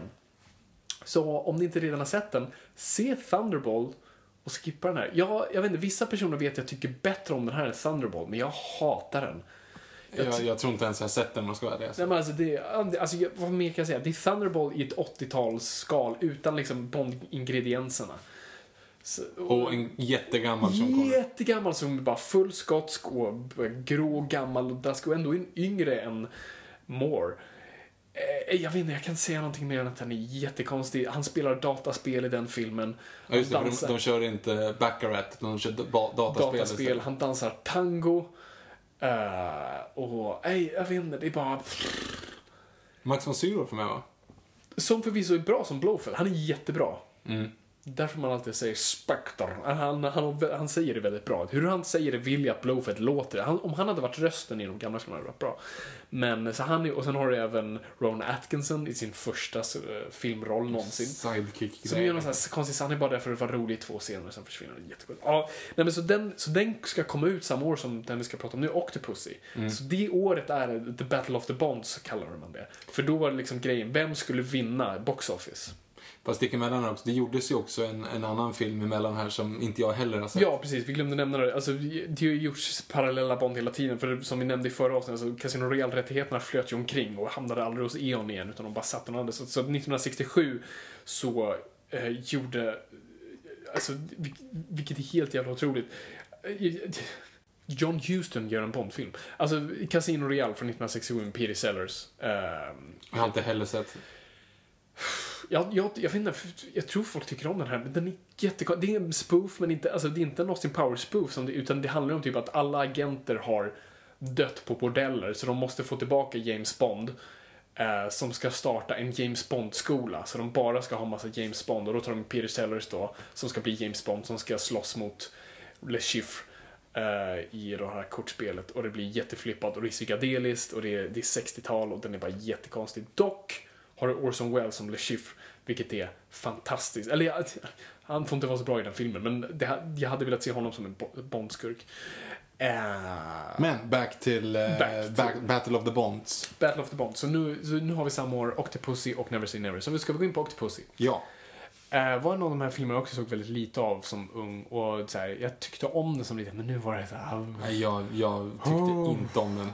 det här stinker gammal bläckfisk som har så spolats upp. Nej det, nej, det stinker gammal kolonialism. Gammal brittisk kolonialism. Ja, det det, det är ju. glorifierande av White Man's Burden, typ. Eh, och de har en väldigt gammal mor här som faktiskt övervägde att sluta. Eh, Varför gjorde han inte det? Ja, precis. Som hade också här någon skådis som var nära på att få jobbet. Men nej, det blev inte av. Mor kommer tillbaka för att han får massa pengar. Eh, så att han är tillbaka i rollen. Bara, det finns en scen som, som är ganska målande på den här filmen och det är när de kommer in på det här torget i Indien. ja. Du vet, när allt indiskt som finns Ja, just det.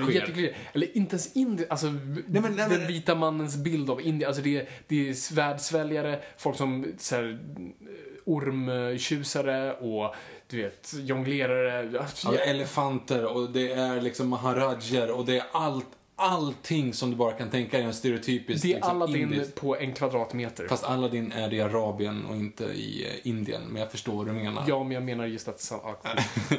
Nej men alltså det, det, är, det är så jävla dåligt. Och det är verkligen så. Alltså återigen, de som bodde, alltså de, de som bodde, de som levde under den här perioden, alltså vad är det, 86? Nej det är inte alls det, 84. Octopussy. Är det här 84 redan? Jag tror att det är någonting sånt. Skitsamma, det är i alla fall under 80-talet. Ehm, Mhm, ja, det, är är ändå liksom, det, det är ändå bara 40 år tillbaka när världskriget var. Det är bara 39 år tillbaka som Indien blev fritt från, från brittiskt styre. Alltså det, det är liksom, det är... 83. 83, okej, ja, då är det ännu kortare. Det det är liksom, det är inte så länge sedan Gandhi blev skjuten. Liksom. De som är över 60 kommer ihåg Gandhi. Alltså om man tänker så. Och ändå så väljer de att göra den här typen av filmer. Jag, jag, mm, Ja, nej men alltså... Ja, ja, du har Modernams tillbaka i alla fall. ja, också väldigt Som oklart. Octopussis, man undrar, är det här samma person? Nej, just det, du dog i Man with a Golden Gun för två film, tre filmer sedan. Ja.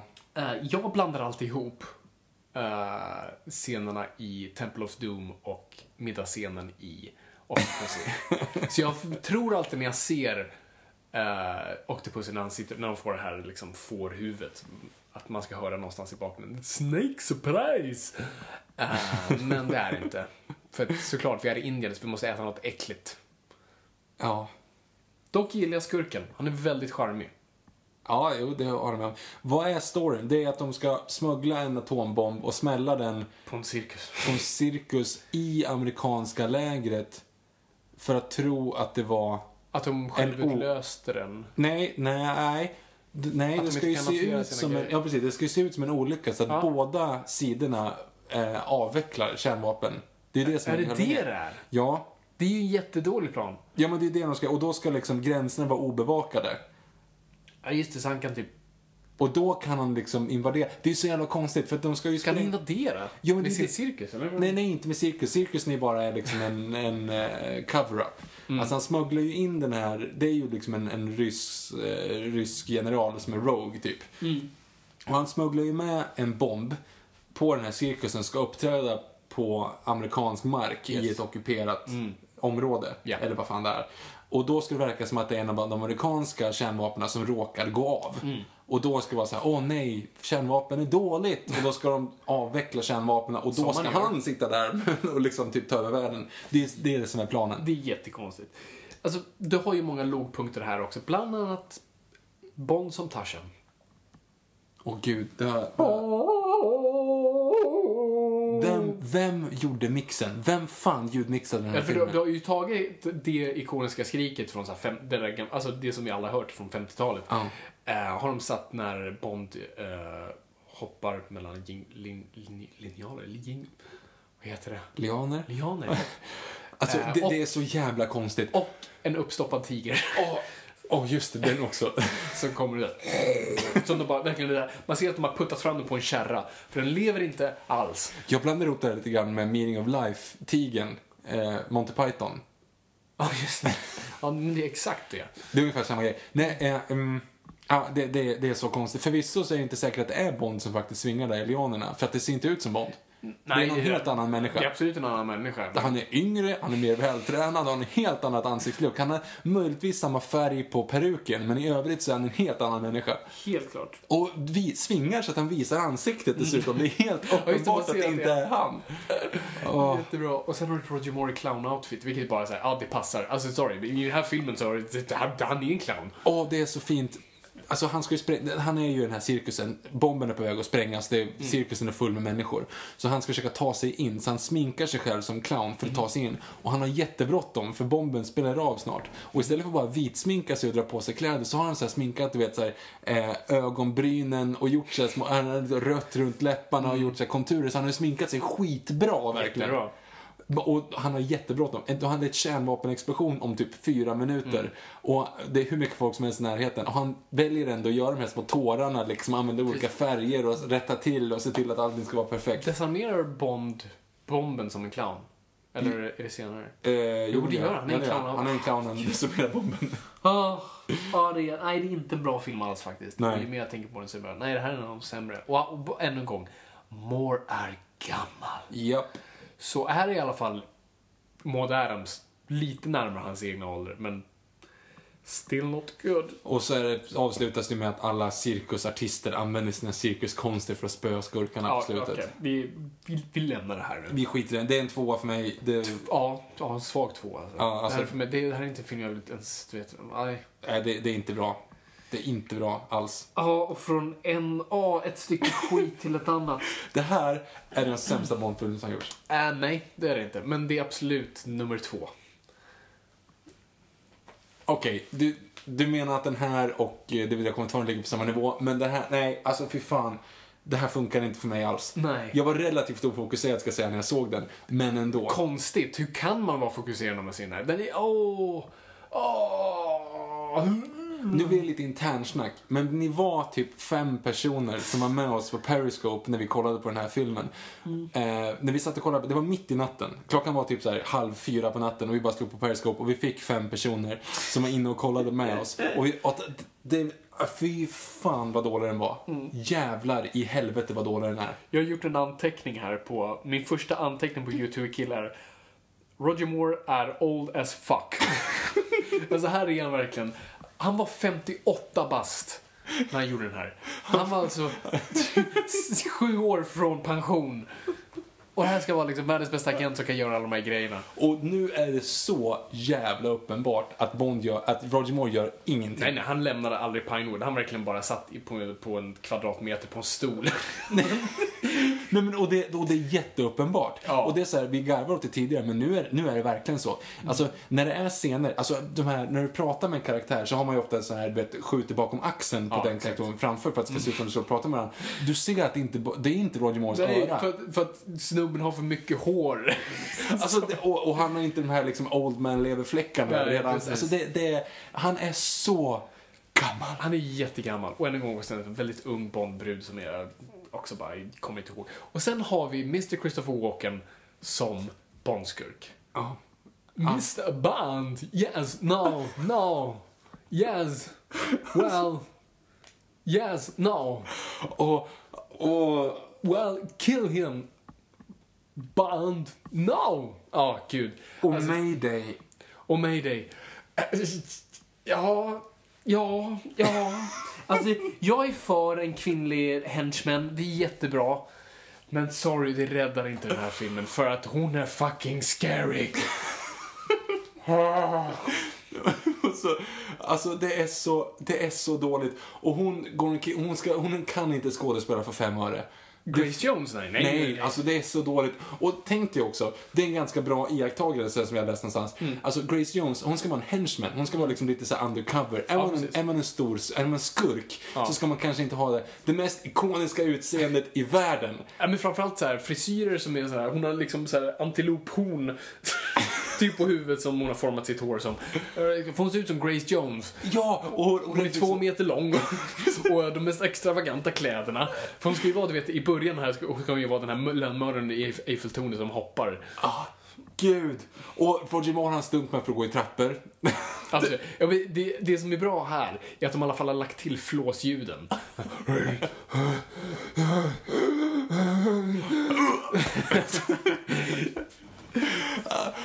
Har du, tänkte du på, alltså den scenen när de sitter framför eh, och är typ i Paris och kollar på den här liksom extravaganta showen. Ja.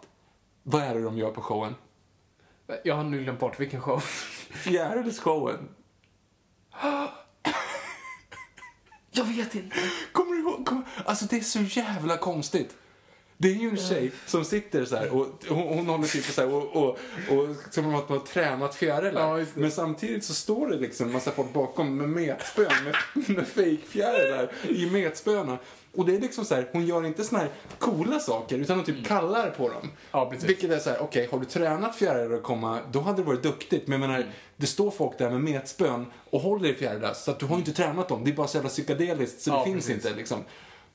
Och då kommer Grace Jones, slår ner en av dem som har den här metspön med en fjäril i. Alltså tänk er bara, det står fem personer uppe på en, liksom en, en liten platå med metspön med fake-fjärilar nere på metspöet och bara viftar med metspöet så att det ser ut som fjärilarna åker omkring. Grace Jones kommer in, En tre meter lång modell.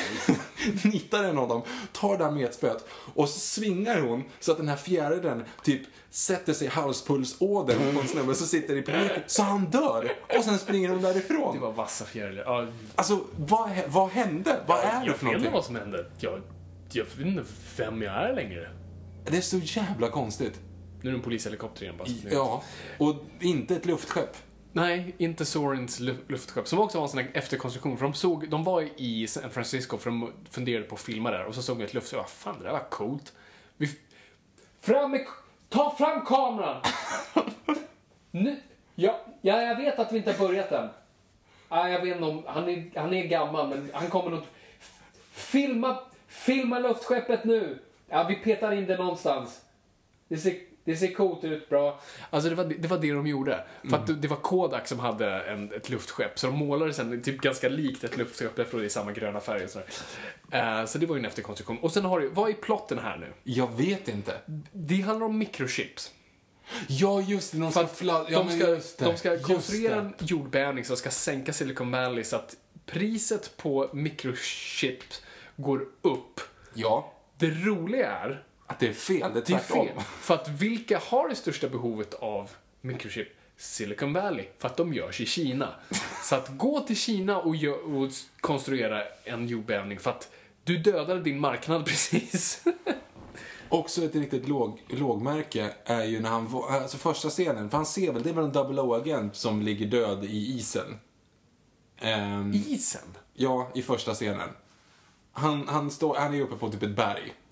Eh, Pratar vi nu snowboardsekvens? Ja, precis. Och då ligger en double O-agent som är typ ihjälfrusen. Jag vet då, att det är en double O-agent som är död i Octopussy, men jag vet inte om det är en double O-agent här också. Jag får det. Ja, skitsamma. Att han tar det här chippet då, som han, han har ju hittat, den här snubben har hittat ett chip, det är Mm. liksom en ledtråd. Han tar det och det kommer massa skotrar. Han slår ner en snubbe på en skoter, tar en skoterskena, skena, Mm. surfar ner den till musiken Det är Beach Boys va? Ja, det är så dåligt! De drar in en Beach Boys-låt. Ja, jag kommer inte ihåg. Din, ja, ja, det är hemskt. Det Det är är hemskt. Surfing USA, det är inte den. Men det, jag kommer inte ihåg vilken det är nu. Ja, och, och de, har verkligen nu sagt att vi kan, vi kan inte ens hitta en stuntman gammal nog att fejka för Roger Moore. Så vi sätter en, de har ju typ en luva, halsduk, stora glasögon som man absolut inte kan se att det inte är Roger Moore.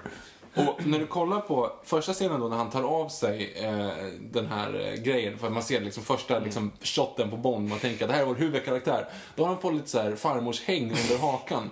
Du vet, det är två så här skinnflikar som hänger ner och liksom så här viftar lite grann när han pratar. Ja, han har såna i den. Japp, absolut. Han är vår liksom, han ska vara Han ska mannen som alla män vill vara och mannen som alla kvinnor vill ha. Exakt. Ja, men det, det är en värdelös barnfilm. Det, är- det är absolut en av de sämsta. Och det är så här tråkig, tråkig not för Moore att avsluta på. Det är så dåligt. Ja, tycker... Kan du sjunga låten? Nej. Är det Duran Duran? Ja, det är? Duran Duran. Come some morning. Är det den? Eller blanda ihop den med data. you with view to a det. Och så bara... Det är bara så här, en mania. you with a view. Ja, just det, det är den. Men kill. When we dance into the fire. Grejen är att jag tycker att den här är rätt okej. för att nästa Bond-låt är lågvattenmärke förutom Madonna. Ehm, men i övrigt, alltså View to a kill. Jag har glömt bort hur gammal den är. Alltså jag, det är helt, jag hade inte den kritiska tänkandet Nej, när jag var inte det var lite. Liten. Men var- fy fan i helvete vad dålig han är. Ja. Och när de slåss uppe på Golden Gate, Golden Gate Bridge och det är bara Ja. så här. nej, Nope. nope. Inte du där i alla fall. Du var inte i San Francisco, min vän. Men, men alltså, och jag skulle vilja veta hur mycket av det Bond vi ser på skärmen faktiskt är Roger Moore. Mm. Det kan inte vara mycket alltså. Nej, det är För det är 20%. ganska mycket liksom stund. Nej men 20% kan det inte vara för att han ändå pratar rätt mycket. Men 50% Ja, ja. är det, är det lätt. Drygt. Mm. Alltså det, Ja. han är Nej, så gammal. Det är en värdelös film och Dolph Lundgren är med i den för övrigt, för er som inte vet. För Bara för att han var tillsammans han, med- han dejtade Grace Jones, så att han får vara med. Han står i bakgrunden i en scen och ser lite korkad ut. Ja. Eh, så det är kul. Men, ja. Ska, ska, kan vi lämna den Han här? är så gammal. A View to Kill. Som då blir ja, en ny reboot. Nu är More long overdue klar. Uh, säger nej tack, jag är för gammal. Alla andra sa nej. Eh, så att nu är det dags att jaga en till Bond. Japp. Och vad man har sett när de är på inspelningen av Octopussy så finns det en kvinna där som har med sig sin lilla boytoy. En ung man vid namn Pierce Brosnan. Och Cubby Broccoli sitter och tänker, fan han, han ser bra ut. Han ser ut att vara en Bond. Eh, så att det liksom ligger där i, i, i bakhuvudet på dem. Så att när det är dags att kasta en ny Bond så tänker jag, ja men fan, Pierce är ju optimal. Och snygg. Han, är- han är ung, snygg och vi kan göra många filmer på honom. Så de kontaktar Pierce som bara säger, ja, ja, lätt. Perfekt. Han gör en tv-serie vid det här eh, laget som heter Remington Steel eh, på NBC som har varit ganska populär men andra säsongen har den gått, liksom, tittarna har försvunnit ganska mycket så de ska lägga ner serien. Mm. Men eh, kanalen har 60 dagar på sig att köpa, köpa en till säsong om du vill. Så Brosnan säger, Cubby, de här kommer inte köpa en till. Det, det går dåligt så att ja, jag gör Bond. Perfekt. Så att eh, de castar Pierce och han, han liksom ska gå ut som Bond. Så på dagen de ska ha pressträffen för att liksom gå ut med Pierce. Som är den 58 dagen på det här 60 dagars Mm eh, tänket. Så att så får han ett samtal. Hej! Vi har köpt en till säsong. Fuck. Så då, för då har ju kanalen fått, det har ju varit massa prat nu om Pierce, och Pierce är ju het igen, så att då, fuck it, vi tar tillbaka honom. Men vad han hade vi inskrivet i hans kontrakt då att han måste köra en säsong till om det blir en då? Ja, ja absolut. Ja, det, han, det var, han, hans kontrakt var så byggt så han kunde inte göra Bond i så fall. Eh, och det hade ju inte heller gått, för jag tror det står faktiskt i Bond-skådespelarnas kontrakt att du, absolut man får göra andra filmer, men du får inte ha en smoking på dig i andra Aha. filmer. För det är liksom, Mm. här har du det, ingen annanstans. Mm. Så Pierce är ute ur bilden, bittert nog. Så nu eh, börjar jakten igen på nästa. Och då är ju tillbaka till Timothy Dalton som vi pratade om hade varit en kandidat för On Her Majesty's Secret Service. Men han tyckte själv att han var för ung. Men nu var han ju perfekt. Nu är han ju liksom närmare 40.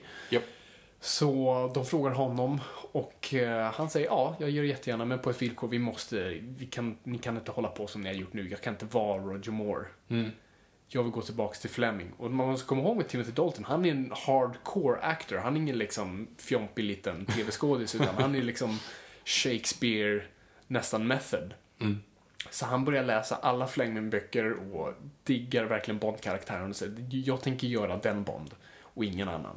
Jag tänker vara den bittra alkisen som hatar sig själv och ingen så här livsgnista kvar. Och det märks kan man ju säga i Det de här märks. filmerna. De, de här filmerna är ju så före sin tid. Hade Timothy Dalton varit nu hade han ju varit som Craig, sönderhyllad. Ja. Eh, då inte så mycket. Nope. För att folk, var, folk hade gått från pig- Pigeon Double Take till liksom eh, en Bond som kväver någon till döds. Eh, så att det gick sig sådär för publiken. Men om, om vi börjar med hans första outing som är eh, Living Daylights. Ja. Dålig eh, titellåt, skulle jag säga. Ja, det var den där. Captain Marvel and I have away. Ja. Ja, den är jättedålig. Av Aha. Aha. Uh. Mm. Ja, det, det, det är sisådär. Ja, det är inte bra. Nej. Ehm, så att vi, ja, men alltså, vi, vi börjar verkligen från scratch. Eh, och, och det roliga här nu, vi har ju den här inledningsscenen, du vet, då, all, då de ska göra den här övningen. Som jag gillade. Jättemycket. Och det roliga, alltså, här är liksom kontrasten. Timothy Dalton gör nästan alla stunts själv. Han verkligen sitter på den där bilen, han sitter på taket på den där bilen. Och han, han gjorde det på riktigt, för han ville så gärna göra stuntsen så mycket som, liksom, som han fick. Så det var någon incident då han satt på en av de där jävla eh, bilarna och Covey Broccoli kom förbi och bara nej, ta bort honom, vad fan håller ni på med? Eh, så, så det gick sig sådär vissa gånger, men han ville göra så mycket han bara kunde. Och eh, jag, jag tycker han är jättebra. Alltså jag gillar Timothy Dalton jättemycket. Ja, jag håller med. Jag, verkligen. Ehm, Jag tycker han har en bra charm ändå när han behöver vara och sen mörk när han måste. Det här är en helt ointressant grej egentligen, men jag var hemma hos min eh, morfar och var en sån här, vet, eh, sån här grej som det var när man var lite yngre, att man skulle säga, ja men åk dit och så får du hyra en film liksom, Ja, umgås med. Jag ihåg att jag hyrde det var första gången jag såg Living Daylight, var liksom, då var jag, det var 11 tror jag. Och så såg jag den liksom själv, för att de hade gått och lagt sig, klockan var ju ändå typ halv åtta. Eh, så att de hade gått och lagt sig och det var så här, själv och det var bara chips, cola, 11 år och en barnförbjuden Bondfilm. Liksom. Och då var första gången jag såg Living Daylight. Så den har någon sån här lite så här kärlek i hjärtat. Liksom. För att eh, jag tyckte att den var hur häftig som helst. Och det var lite så här, lite coolt också att gilla Dalton. Ja, just det, gillar det, för ingen gillar det Dalton. Nej, precis. Han var lite Lazenby över det. Han fick ju bara göra två filmer, så han Ja. suger.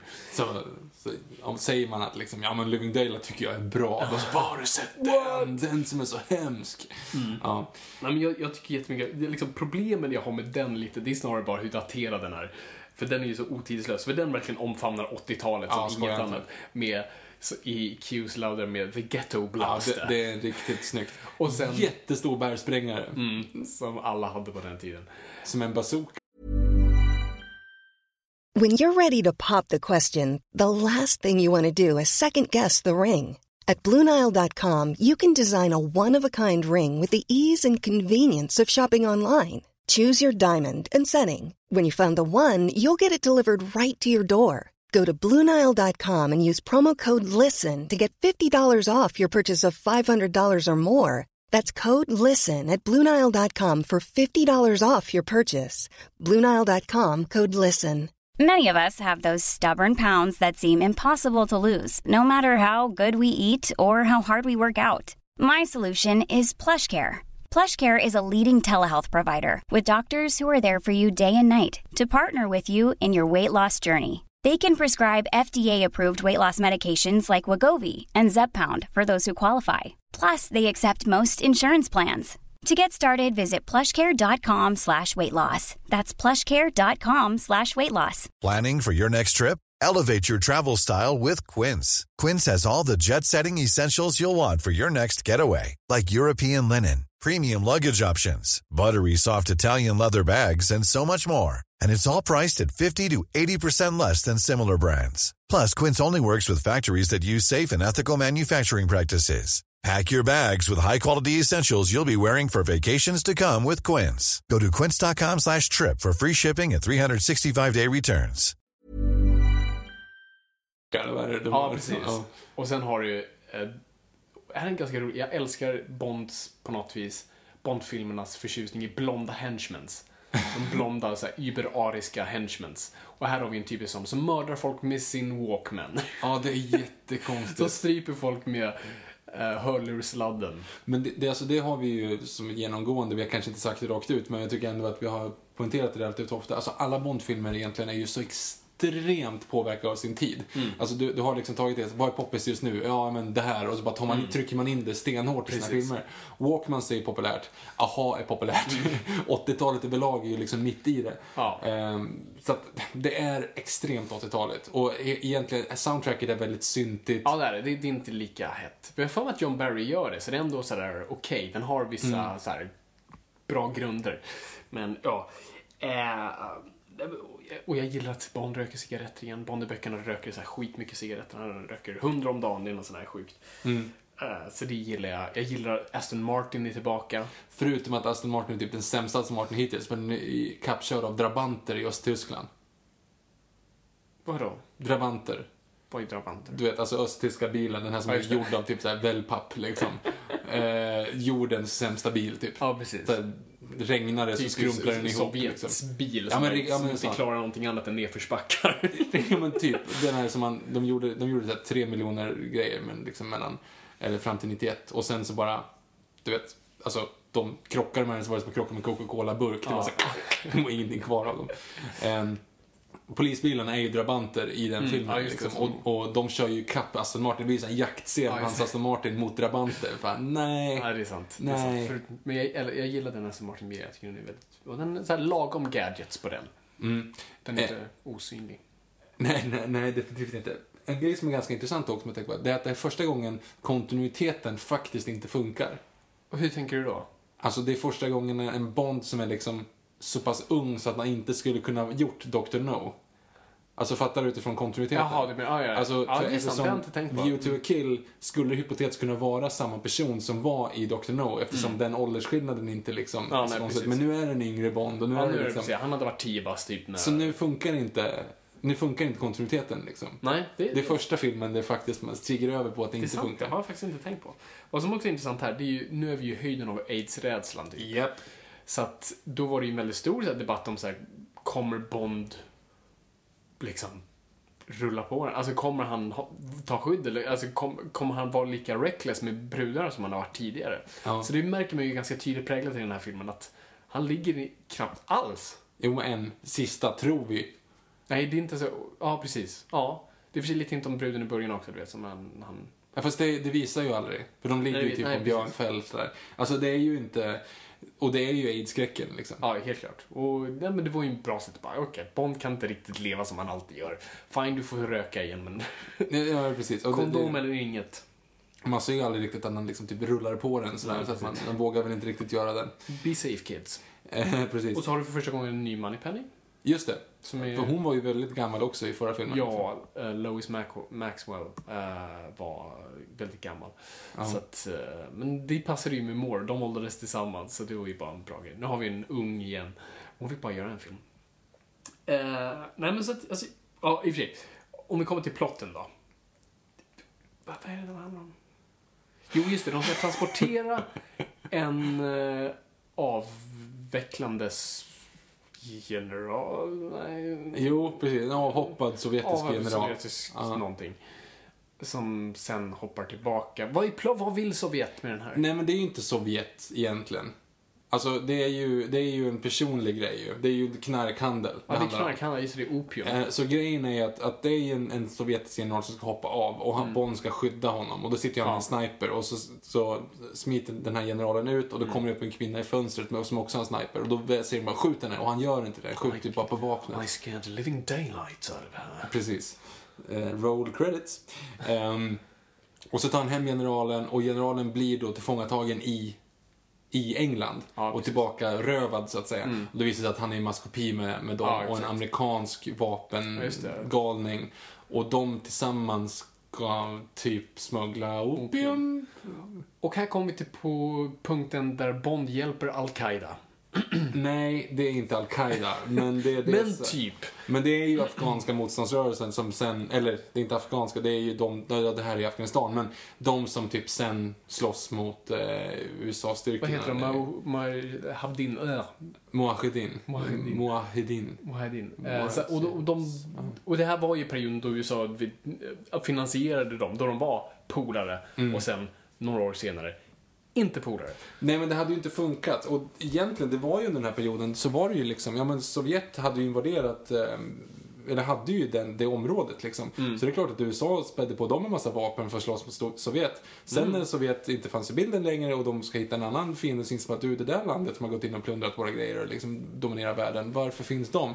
Och sen har det blivit det. Men jag skulle vilja se typ Pierce Brosnan i Die Another Day gå liksom in och, och, och hjälpa till i Irak. Det hade inte riktigt funkat. Nej, han är inte riktigt. Därav nordkoreaner. Ja. Um, alltså det, det, är- det är bara lite, lite weird tycker jag. Men det, är- annars, annars tycker jag det är en underhållande Bondfilm Oh, ja. som har liksom ingredienser med lite mer down to earth. Dalton tycker jag är jättebra. Mm. Eh, Det är han, väldigt rå. Mm, han är rå, men han balanserar humorn ganska bra ändå.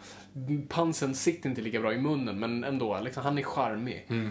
Och det är ett för jävla snyggt stunt, även planet. Planet, ja, när de hänger ut med Mm. de där påsarna, är, otroligt, särskilt när man vet hur det blev gjort, för det var väldigt nära att de bara slog ihjäl varandra. För att när de tappar ju mycket av den här, av, drogerna på, i den här stora påsen. Så att då blev den ju lättare, sen började det ju få så vindkastningar, så den var ju supernära på att liksom slå upp i, i taket på det där planet. Och det ser man ju också i scenerna. Ja, ja, absolut. När, när Mm. du får totaldamp. Det är skitläbbigt. Så att stuntet är skitbra. Det en, eller det enda, det är, det är inte en perfekt Bondfilm, men det som stör mig mest är, är slutslutet, då han ska till den här generalen. Ja, det är konstigt för det känns som att det där kom de på när de hade klippt filmen. Bara så du, vi behöver en scen till. Vi behöver en precis. Vi actionscen till. behöver döda den, liksom, vi, vi, vi dödar inte en sk- skurken ordentligt. Mm. För att han, avhopparen, han sprängs ju bara i en så här bil och sen hench, henchman, han, ja, han kastas ju ner från planet liksom. Men de ville väl ha en sån här, fast det var inte heller, de, han, han välter en staty på honom. Ja, det är, det, ja, det är jättekonstigt. Alltså, Jag tycker ändå att det är en fyra för att jag gillar den Ja, jag, jag, jättemycket. jag sätter en trea. Jag tycker den är stadig, bra liksom. Ja, jag, jag, men det är också kanske lite grann just där han sitter popcorn, eller chips, cola, mörkt ute, alla gått och lagt sig, Ja, sitter på den själv. Nej men det kan vara, nej men jag, ty, jag tycker att den är riktigt bra. Eller Mm. den är riktigt häftig. Och det är samma sak där, de valde ju liksom att gå, det var lite callback på att göra liksom det var för mycket uppe fluffigt med View to a kill så nu måste man ner och göra det liksom det. rå och gritty igen. Ja. Ehm, vilket jag tycker är väldigt häftigt. Sen båt, eller vänta, fan det är ju båtscenerna. Du vet när, de, när båten går jättefort. Är inte det den?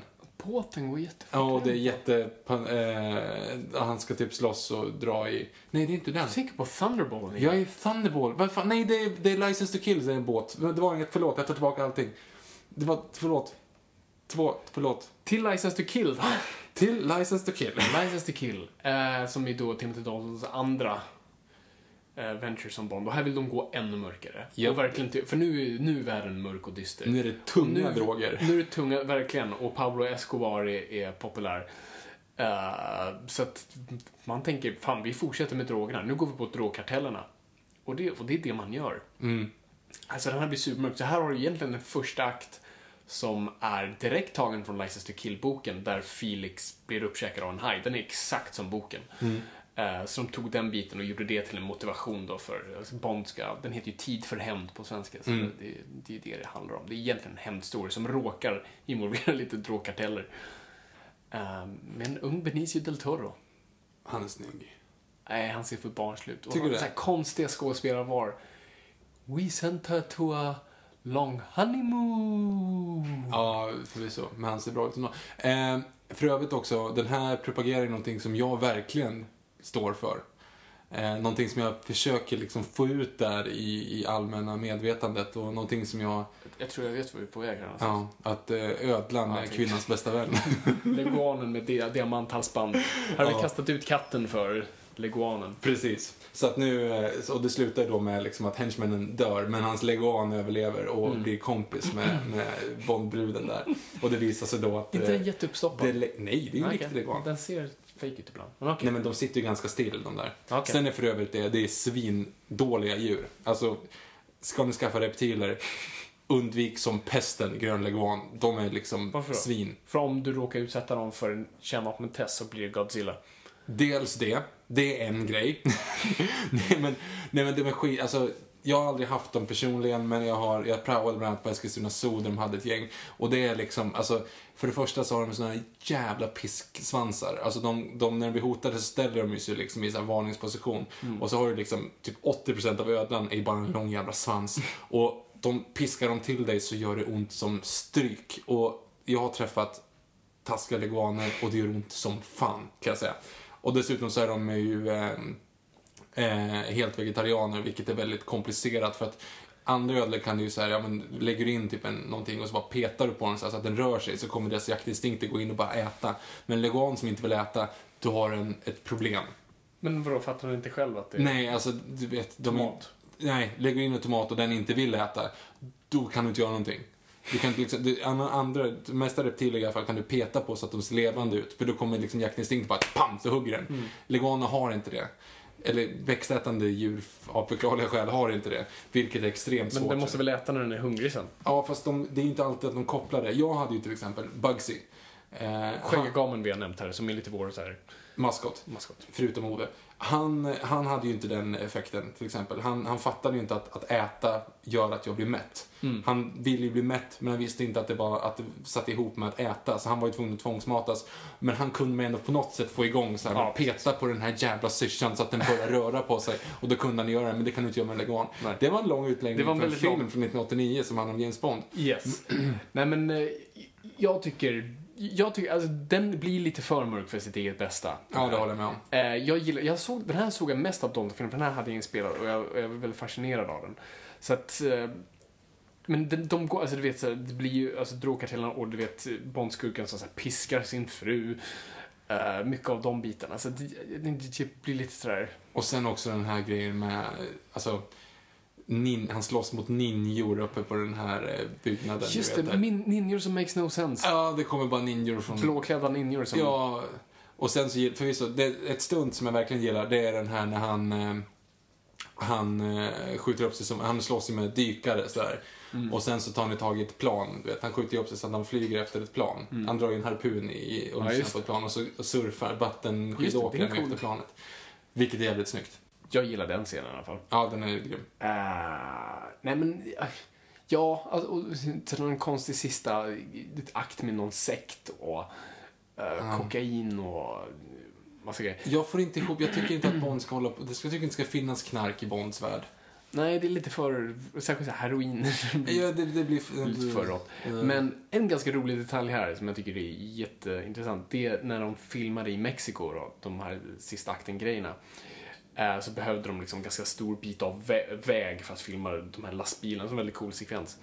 Eh, och den lokala regeringen sa absolut, ta, den, ta den vägen där. Okej, okay, varför? Ah, den är besatt. Det är där, Alltså, ah, massa olyckor händer där, så här, folk har dött. Eh, den är bara, det, vi rör inte den. Okej, okay, ja, schysst tack, vi, vi tar den. Och det roliga, det hände bara, bara olyckor där. Folk nästan dog. Eh, en explosion avlöses som inte skulle. Någon bil började åka mitt i natten själv. Och det var massa mystiska saker och alla olyckor som skedde, skedde där. Någon avfyrade en sån här låtsas-bazooka därifrån. Det är mm. här fake. Den skjuter fortfarande iväg någonting men inget som exploderar. Så här, tre kilometer bort fick någon den i huvudet. Alltså det var så här jättekonstigt. Och den mest mystiska, det här ska ni bildgoogla. För de, de skulle då, den här slutexplosionen skulle gå av. Och, eh, och de hade en stillbildsfotograf där samtidigt. De sprängde den här grejen, det blev skitlyckat. Och sen så kom fotografen tillbaka när han framkallade på bara, Hörni, ni kommer inte tro det, men kolla på det här fotot. Och då ser man i eh, bilden en hand, alltså det ser ut som en, alltså ur eldsvådan så kommer det ut en eldhand som med klor ser det ut som. Ser ut som att den kommer ut ur elden som en djävul. Och de blev helt så här, alla blev hur livrädda som helst, för de kollade sen på filmen, för de hade explosion- explosioner från olika vinklar, jag såg ingenting som liknade, bara ingen frame. Så att, bildgoogla nu, eh, License to kill, typ um, Firehand eller Explosion hand. Eh, det är lite creepy. Är man väldigt vidskeplig så kanske man skulle kunna se det I hand. Bond-universumet så lever... Ja, just det, så finns magi. så Ja, just att, det. eh, Det är inte att ta ifrån. Bara tänka på, I den scenen med ninjorna, kommer du ihåg Yes. att de kastar ett nät på honom? Ja, just det. Det är verkligen så här Austin Power. Ah! Åh nej, ja! Nät. Ja, det är någon sån där. Ja, men den är, lite för rå. Eh, Timothy Dalton är bra. Han börjar dock bli skallig, vilket jag tycker är intressant. Han får lite dåligt hårfäste. Eh, så det beroende på hur vinden går ser han olika bra ut. Eh, jag gillar Bondbruden. Eh, ja, ja. Uh, tycker hon är bra. Hon är liksom... Hon gör någonting. Hon gör någonting, hon vill göra någonting, hon får tyvärr inte göra så mycket. Och så gillar jag att Desmond Llewellyn Q får vara med väldigt mycket. Ja, han, hans, far- favoritfilm. Hans eh, farbror. Han, har farbror, valt att- så han är med ganska mycket, så det gillar jag. Så att, alltså, det är en trea för mig också. Jag tycker, Mm. Ja, men det jag nostalgiska skäl och jag gillar att den går tillbaka till boken. Mm. Så Och sen så är det en väldigt bra ledmotiv, som sagt. Jag gillar den. License to kill. License to kill. Boom, boom. Säger de kill eller kilt? Kill. Det låter som de säger kilt. License to kilt. Ja, lyssna på den låten. Jag tror- I got a license to kill. Det skulle passa bättre i så fall i Närmare Secret Service. Mm, faktiskt. License to kilt. Ja, det där hade Ja. det fungerat hela vägen. Ja. Eh, ja, men så att de gör den här filmen. Sen får MGM lite finansiella problem. Det känns som att de får det hela tiden. Ja, det, det, det går igenom historien verkligen. Så att ehm, det, det blir bara en j- jätteklusterfuck av, av problem och vem som ska ha rättigheterna. Kommer MGM överleva? United Artists har gått under på grund av så här, åh, vad heter den där filmen nu? Inte Kingdom of Heaven. Eh, Heaven's Gate. Heaven's Gate mm. fuckar ju upp allting där. Eh, och allt är bara jättejobbigt. Så att Bond, Bond liksom svävar i luften. Så att det blir liksom sex år av ingenting. Mm. Och sen när det är dags att göra det igen så känner Dalton att sorry grabbar, jag är för gammal, jag, jag tror inte... Han hade ändå liksom hjärta att säga det. Det hade ju inte Roger Moore. Nej, han vill i alla fall lämna med heden i behåll.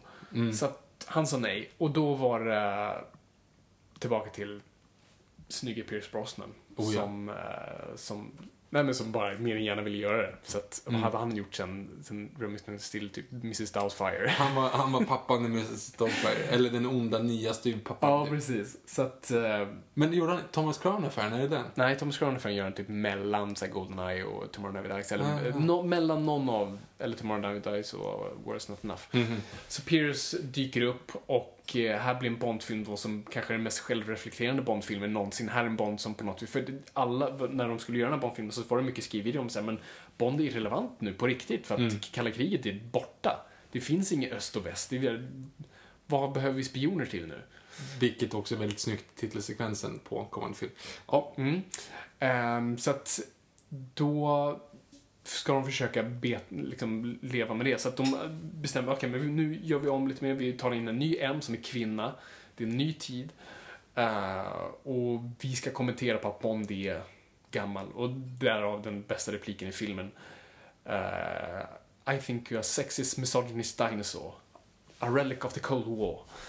Uh, tycker jag är jättebra när de säger det. Oh ja. Så att vi har en Bond som inte riktigt platsar i den tiden han befinner sig i. Och det är det som är det är liksom det förflutna som kommer tillbaka i, i Sean Bean. Mm. Och jag gillar Goldeneye. Men vem, vem gillar inte Goldeneye som är av vår generation i alla fall? Nej, det, jag tycker den är helt fantastisk. Och framförallt så gillar jag verkligen titellåten. Ja, absolut. Alltså- Eh, framförallt Tina Turner, skriven av Bono och The Edge från YouTube, för det som inte visste.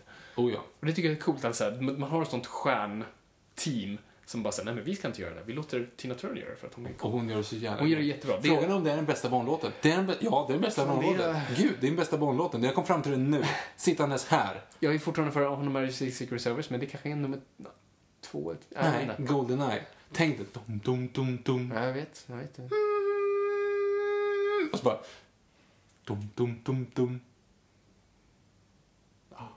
Ja, det är vackert. Ja, nej, och det, det är bra. Det är vackert. Och en jättebra titelsekvens som också, som jag älskar för den verkligen också förklarar, för de bästa titelsekvenserna på något sätt förklarar filmen utan att visa filmen. Mm. Alltså bara, så här, det här kommer vara temat, det här är det som försiggår lite i Bonds huvud, för jag tycker de ska reflektera hans psyke. Och här ser vi ju liksom gamla Lenin-statyer och, och hackan och skäran som, som slås sönder av brudar. Hammaren och skären. Ja, Vad sa jag? hackan och skären. Hackan och skäran, det är samma Mm. sak.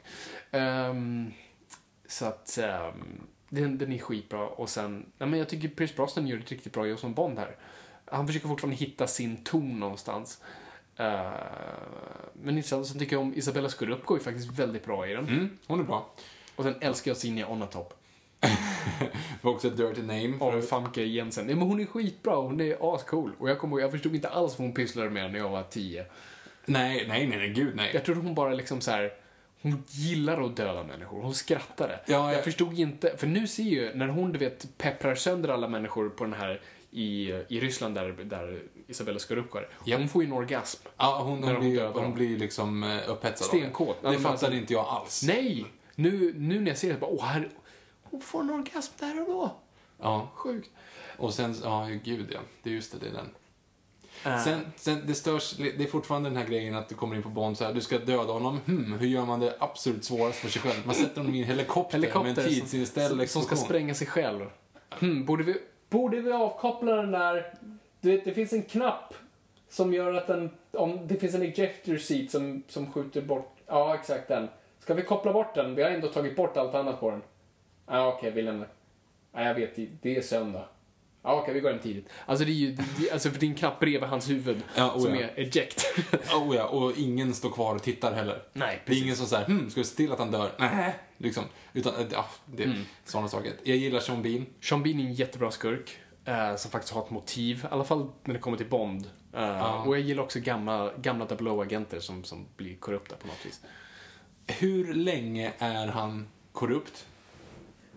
Alltså blir han det efter han blir, han blir han tillfångatagen? Eller? Nej, men han har ju någon grej innan, som jag uppfattar det. Han, han var ju, de fejkar ju hans död. Gör de det? Ja, det är så jag tolkar det. För jag, jag tolkade det inte, alltså jag tolkade det så tills så den senaste gången. Det var så här, hmm, är det att han, han fram- säger ju så här, du sa att det var två min, tre minuter men Mm. det var bara två minuter eller vad det var. Alltså han säger att han ställde ljud, eller Ja, klockan. klockan på bomben liksom för kort. Men jag trodde att han ändå blir skjuten i huvudet, att det är det som är ärret. Men det är jag- ju explosionen Ja, som är jag, jag, tänker tvärt, jag tänkte tvärtom. Så tänkte jag när jag var liten. Jag tänkte han missade honom, så han sköt upp bara kinden. Ja. Eh, och så är han arg för det. Men nej, det är, som, det är tvärtom. Så att det, är- det är att explosionen, han han inte där, han han blir liksom skadad. Men du, jag du makes no sense överhuvudtaget ju. Varför då? Varför är han arg i Då så var han ju fall? arg, för han blev ju... Fast han hade ändå tänkt att blåsa honom ju. Ja, men jag... Han skjuter ju ändå människor. Han går ju omkring och skjuter människor där. Är du säker på att det inte är tanken? Mhm. Nej, jag- vara- jag är inte För jag fattar det nu. Jag tror ändå att det är så. Att han blir tillfångatagen Kan någon- där på riktigt. Kan någon bekräfta någon av de här tankarna? Och då vill vi inte höra era teorier. Har någon hård fakta på det här? Har någon ett manus? En Wikipedia-sida? Hashtag Noipod. Ni, för någon som vet. Jag vill inte höra en teori, jag vill höra fakta. För jag trodde att det var så. Och jag tror att det är så fortfarande. Men jag blev ändå lite så här. Hmm. Och det är ju att jag tror att de är liksom på samma sida och faktiskt skjuter mot folk Mm. och sådana saker. Sen råkar han bli tillfångatagen. Och när de liksom ska. Han försöker avrätta honom. Mm. Men typ skjuter honom i kinden eller. ja, Eller de skjuter honom i huvudet men han överlever. Någonting Mm. sånt. Och sen så är han fångatagen och typ hjärntvättad fram tills nästa gång han träffas. Mm. Ja, För annars hade det varit så att han fejkar sin egen död och sen exploderar allting och då hade han tänkt att tusan, hade jag haft en minut på mig till då hade jag inte blivit bränd och då hade jag blivit arg. Alltså det... Ja, jag vet inte. Det, det är konstigt i alla fall. Hur som helst, jag gillar att han är, är arg på Bond. Dock vet jag inte vad resten handlar om. Vad är det han ska göra med den där? Han ska, han ska, jo, han ska råna bankerna och sen utgöra en stor elektromagnetisk puls. Ja. Så att ingen kan spåra det efteråt. Så egentligen är det en ganska klassisk här. Nej men så. Goldeneye-raketen. Satelliten. Ja, det är ju exakt det. Det är ju den som ger ifrån sig eh, Är det, det, är det bara det? pulsen. Jag trodde att han skulle typ ta över. Nej just det, Nej, det han ska råna banker gör. och sen, du vet, radera sitt digitala spår. Ja just det, det det. Var ju dumt egentligen. Ja, alltså det är lite sådär, jaha, vad var det det det var? Okej, låt honom köra. Ja, kör på. Så länge han inte ska så här, dränka jorden eller, eller Jo, men det förstöra blir lite så här- det blir ändå så här, hela världsekonomin kommer ju krascha på grund av det. Och så. Ja. Men, nej, men jag gillar det. Jag älskar stuntet i början, en av de bästa stuntsen med bungee jump hoppet Mm. Som de verkligen gjorde, någon hoppade faktiskt rakt ut. Mm. Och fick göra det några gånger för de lyckades inte, han lyckades inte ta fram den här pistolen ordentligt. Uh, skitcoolt och det Ja, ser- faktiskt ut som Brosnan trots att det inte alls är Brosnan. Jättebra eh, introduktion till Brosnan. Mm. Forgot to knock och så. Mm. Han kommer igenom toaletten där. Ja, där är han fortfarande liksom någon form av charmpann och inte bara berätta vad han gör. Nej. Narrates his own life. liksom. Ja, nej men jag, Hungry! nej, men jag, jag gillar Goldeneye Jag, tycker, jättemycket. jag, men det- jag tror verkligen, och säkert med tv-spel och sådär. Jag ska erkänna någonting här nu. Jag har aldrig spelat Goldeneye tv-spel. Blasphemy! Ja, Jag vet, sorry, sorry alla. Eh, Men som ni vet, jag, jag spelar inte så mycket tv-spel. Så att, men, men den har jag Du helt... har fått en beskärad del av Agent Under Fire och Nightfire istället. Exakt, och jag har spelat, som säkert folk hatar, den här när de eh, lanserade om Goldeneye för Playstation 3 med Daniel Craig istället för. Den var rolig. Ja. Eh, nej men, oh, alltså stunten är jättebra. Jag älskar eh, pansarvagnen. Just det. Jättecool. Och ja, men Martin Campbell som även sen regisserade eh, Casino Royale. Jättebra regissör som Och verkligen fattar. Och Green Lantern. Glöm det. Okej, förlåt. Och Zorro. Um, Och Legend of Sorrow. Gjorde han Legend? Ja. Är du säker? Jag, jag är inte... Jo, jag jo, han gjorde fan Legend of Sorrow också. Okej. Och den suger. Okay. Jag, koll, jag, ork, jag vill inte ens. Den är hemsk. Jag vill inte veta något mer. Okej, nej men så Golden i alla fall, det blir en succé. Den verkligen tar Bond tillbaks på kartan och gör dem så här, de breddar på något vis det här. Bra, nu kan man Bond in post eh, kalla kriget-värld. Jag tycker att det är en fyra. Jag ser också fyra. Jag tycker också, det är en jättestadig Bond, det är perfekt. Den är, det enda som daterar den, som jag hatar, det är musiken igen. Jag hatar musiken. Det är mycket sådana där, mycket syntar. Nej, det har inte ens jag tänkt på. Det, det som daterar i så fall, det är ju IT-grejerna. Boris som sitter där liksom, I'm invincible och sitter och typ hackar sig in i system. Lite så här, så, Botheads. lite så här eh, Swordfish-grejen, att han ska hacka, bygga Ja, en mask precis. och hacka sig in Och, i, i och CIA. Hollywood-hackande då är.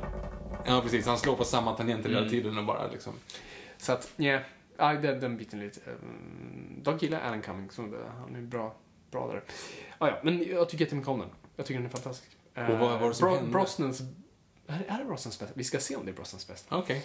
Och, eh, ja, men uh, jättesuccé. Eh, så att de går ju direkt på nästa. Liksom, två år senare med Tomorrow Never Lies, eller Lies, beroende på hur man läste faxet.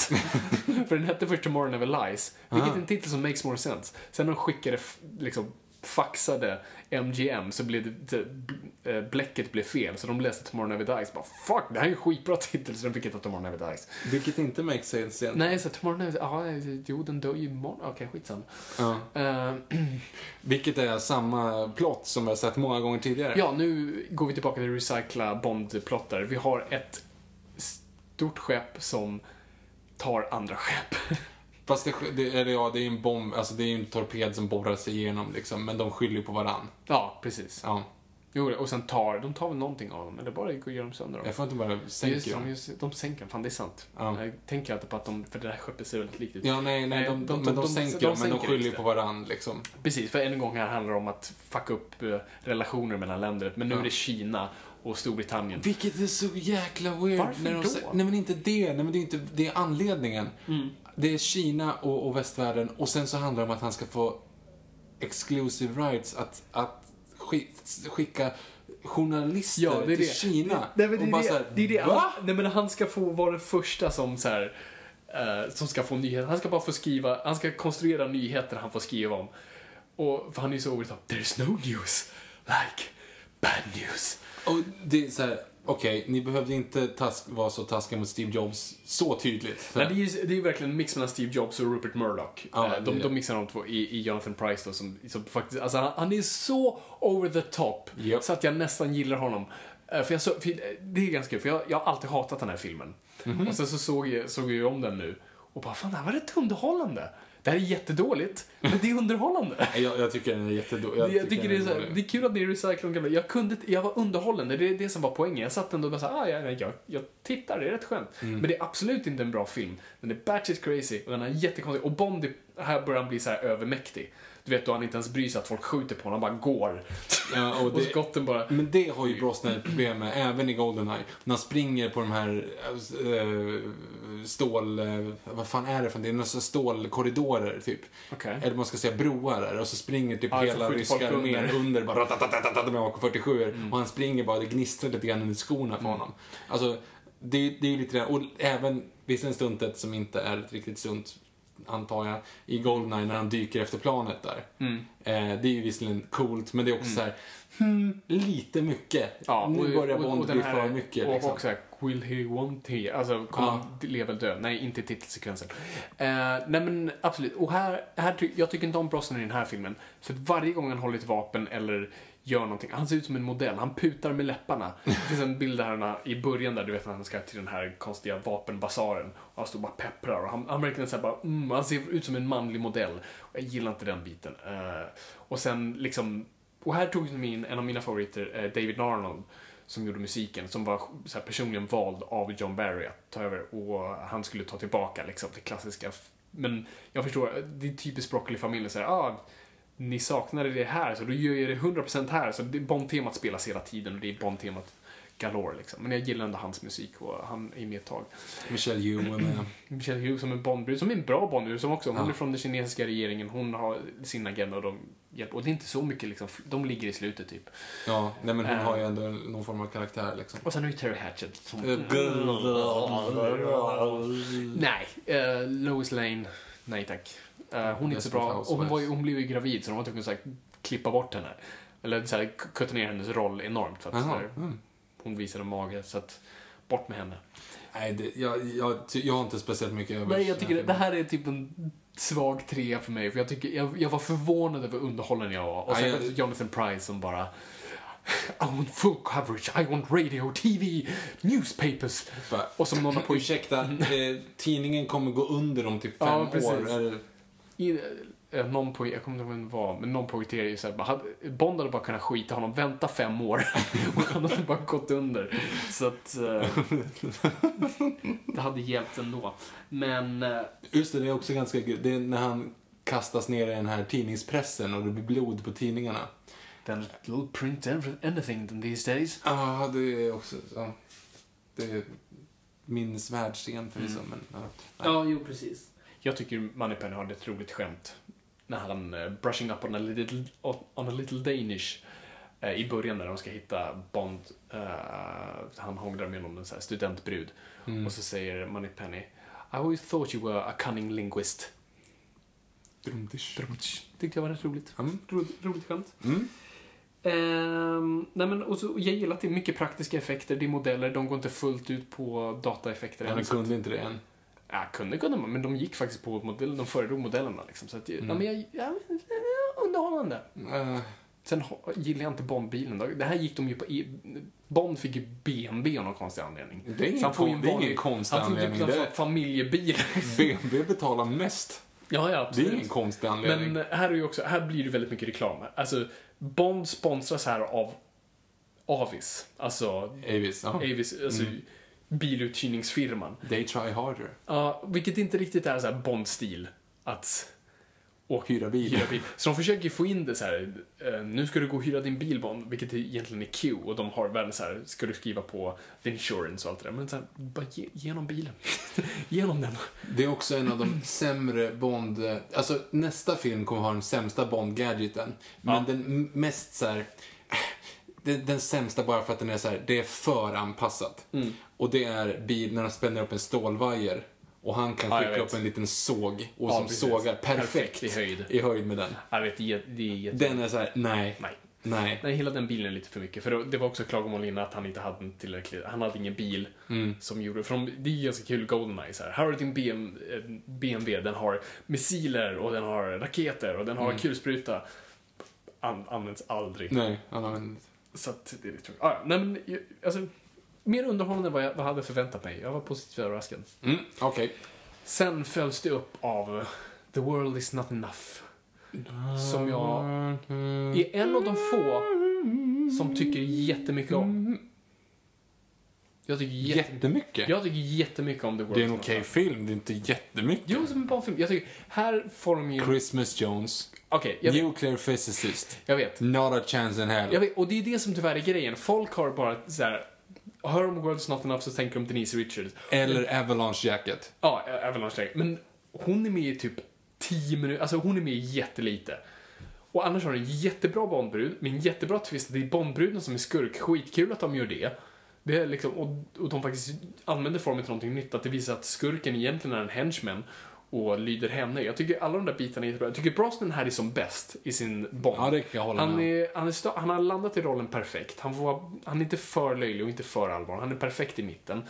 Och um, jag tycker den är snyggt gjord. Den har inte för mycket datanimationer. Den liksom, och den använder sig av gamla Bond-tropes men ändå liksom på ett nytt sätt. För här tar de in Purvis and Wade, alltså de här manusförfattarna som är med nu från och med nu till Skyfall och Spectre. Eh, och jag tycker de ändå så här, piffar till franchisen lite. Jag säger så här, jag tycker att det är en bra film, jag tycker inte att den är så bra. Ehm, Men en också av nostalgiska skäl. Den här såg jag väldigt mycket som ung. men jag säger så här, en av de, de grejerna som jag gillar mest med den, det är att det blir konsekvenser av Bonds handlande. Alltså han skadar ju sig. Han skadar sig. Bland de första scenerna. Jag gillar förvisso, den är jätte over the top. Men alltså jakten på Themsen. Ja, men alltså, jag såg den jakten nu när jag kollar om den. Den är helt sinnessjuk. Ja, den är- alltså, är ascoolt, Jag hade glömt bort hur är nu när man tänker på att det, för det första att de får använda Themsen, för det andra att den där båten fungerar. Tredje att Brosnan ser man väldigt ofta sitta i den. Och Mm, ja, den, det- den fungerar helt Nej, jävla och jag, det måste jag säga, det, det gillar jag verkligen. Och sen också när han, då åker den upp i en ballong. För det är vet, det är explosioner, de åker båt, de åker bil, de åker, åker upp i en ballong. Det är liksom allting. och sen så säger han, I can protect you, but not from him. Och så skjuter Jon sönder den så att han faller och slår i axeln.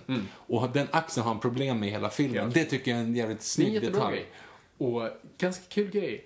Att Skyfall och, och den här filmen har jättemånga likheter.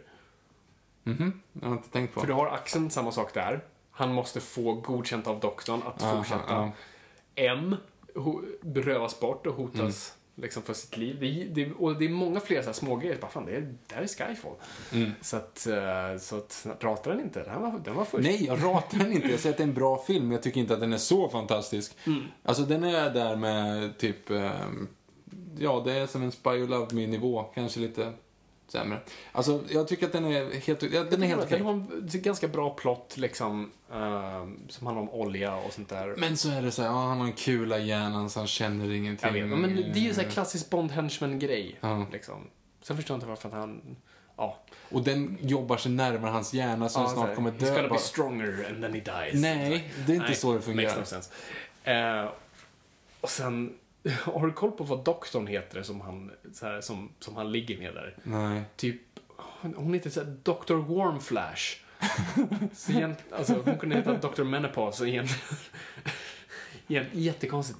Um, nej, men jag, jag, jag tycker om jag, jag gillar att eh, Coltrane är tillbaka som Sarkovsky, som även var med i Gol- Goldeneye, Mm. Hagrid. Uh, tycker han är jättemysig och härlig. Och, nej, men det, den har många bra scener, den är classy, den, är liksom, den gör inte för mycket om någonting. Jag, jag tycker jättemycket om den.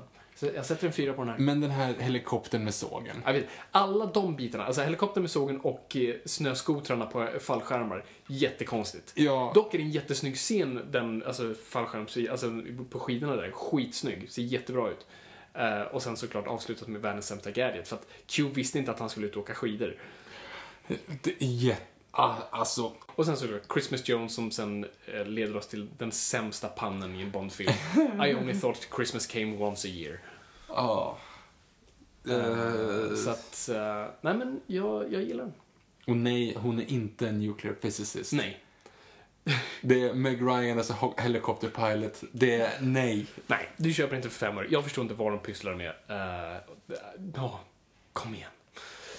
Ja, jag gillar det. Men se så här, det är, det är en okej film. Det är en bra film. Men jämfört med nästa så är det Citizen Kane. Ja, det är det. Alltså, och så här. Vill ni höra oss prata i detalj om Die Another Day? Lyssna på vår DVD-kommentar som vi gjorde med Peter Bristov. Då går, vi, vi kommenterar hela filmen i full längd. Så att det finns inte så mycket att tillägga här, men att det är den sämsta Bond-filmen som någonsin har gjorts, säger jag här och nu. Den dödade franchisen, den dödade Pierce Brosnan och allt är fel i den filmen. Allt, allt, allt, allt. Det finns inte en enda rätt not som den slår. Nej, nej, det håller jag med om. Men det är fortfarande... inget Men, underhållande. men James Bond är fortfarande inte 87 år gammal. Därav så tycker jag att A View to Kill är sämre. Uh, nej, fortfarande View to Kill kan jag så här någonstans bara se en, någonting i. Äh, Ja, det här är en dålig film. Jag säger det här nu, Halle Berry är sämre än Christmas Jones. Eh, hon är inte bra, nej. För Christmas Jones har ändå hövlig nog att inte vara med så mycket. Halle Berry är med på tok för mycket. Nej, det, det är det sämsta. Jag tycker, vill ni höra prata mer om det här i full detalj, verkligen full frontal detalj, lyssna på Det här, är DVD-kommentaren. en, ett- det här är en etta för mig. Etta, om det finns mindre så går jag på den. Alltså, Det här- det, jag, jag gråter då jag tänker på den här filmen. Det här... Ja. Så att, glöm det. Så vad som händer här nu, den här kom ju 2002, så mitt under inspelningarna så sker 11 september. Mm. Och alla blir skärrade liksom. Eh, och även produktionen som inser bara fuck. Det här liksom, vår film kommer ju inte slå alls med alltså, världen. Så att Brosnan tror jag egentligen hade kontrakt för en till film, men han ville göra, han ville definitivt göra, han är mest sorgsen fortfarande när man ser på dokumentärer, så han är jätteledsen att han inte fick göra en till. Eh, alla andra har ändå varit såhär, tack och hej, trevligt, kul så länge det var. Men Brosnan är lite ledsen. Men så producenterna bara, nej vi kan inte hålla, vi kan inte liksom hålla upp det här längre. Så under den här tiden håller de även på att försöka få tillbaka rättigheterna till Casino Royale. Så de stämmer skiten i de som håller i det, försöker bara få tag i det. Och lyckas, vinner tillbaka det.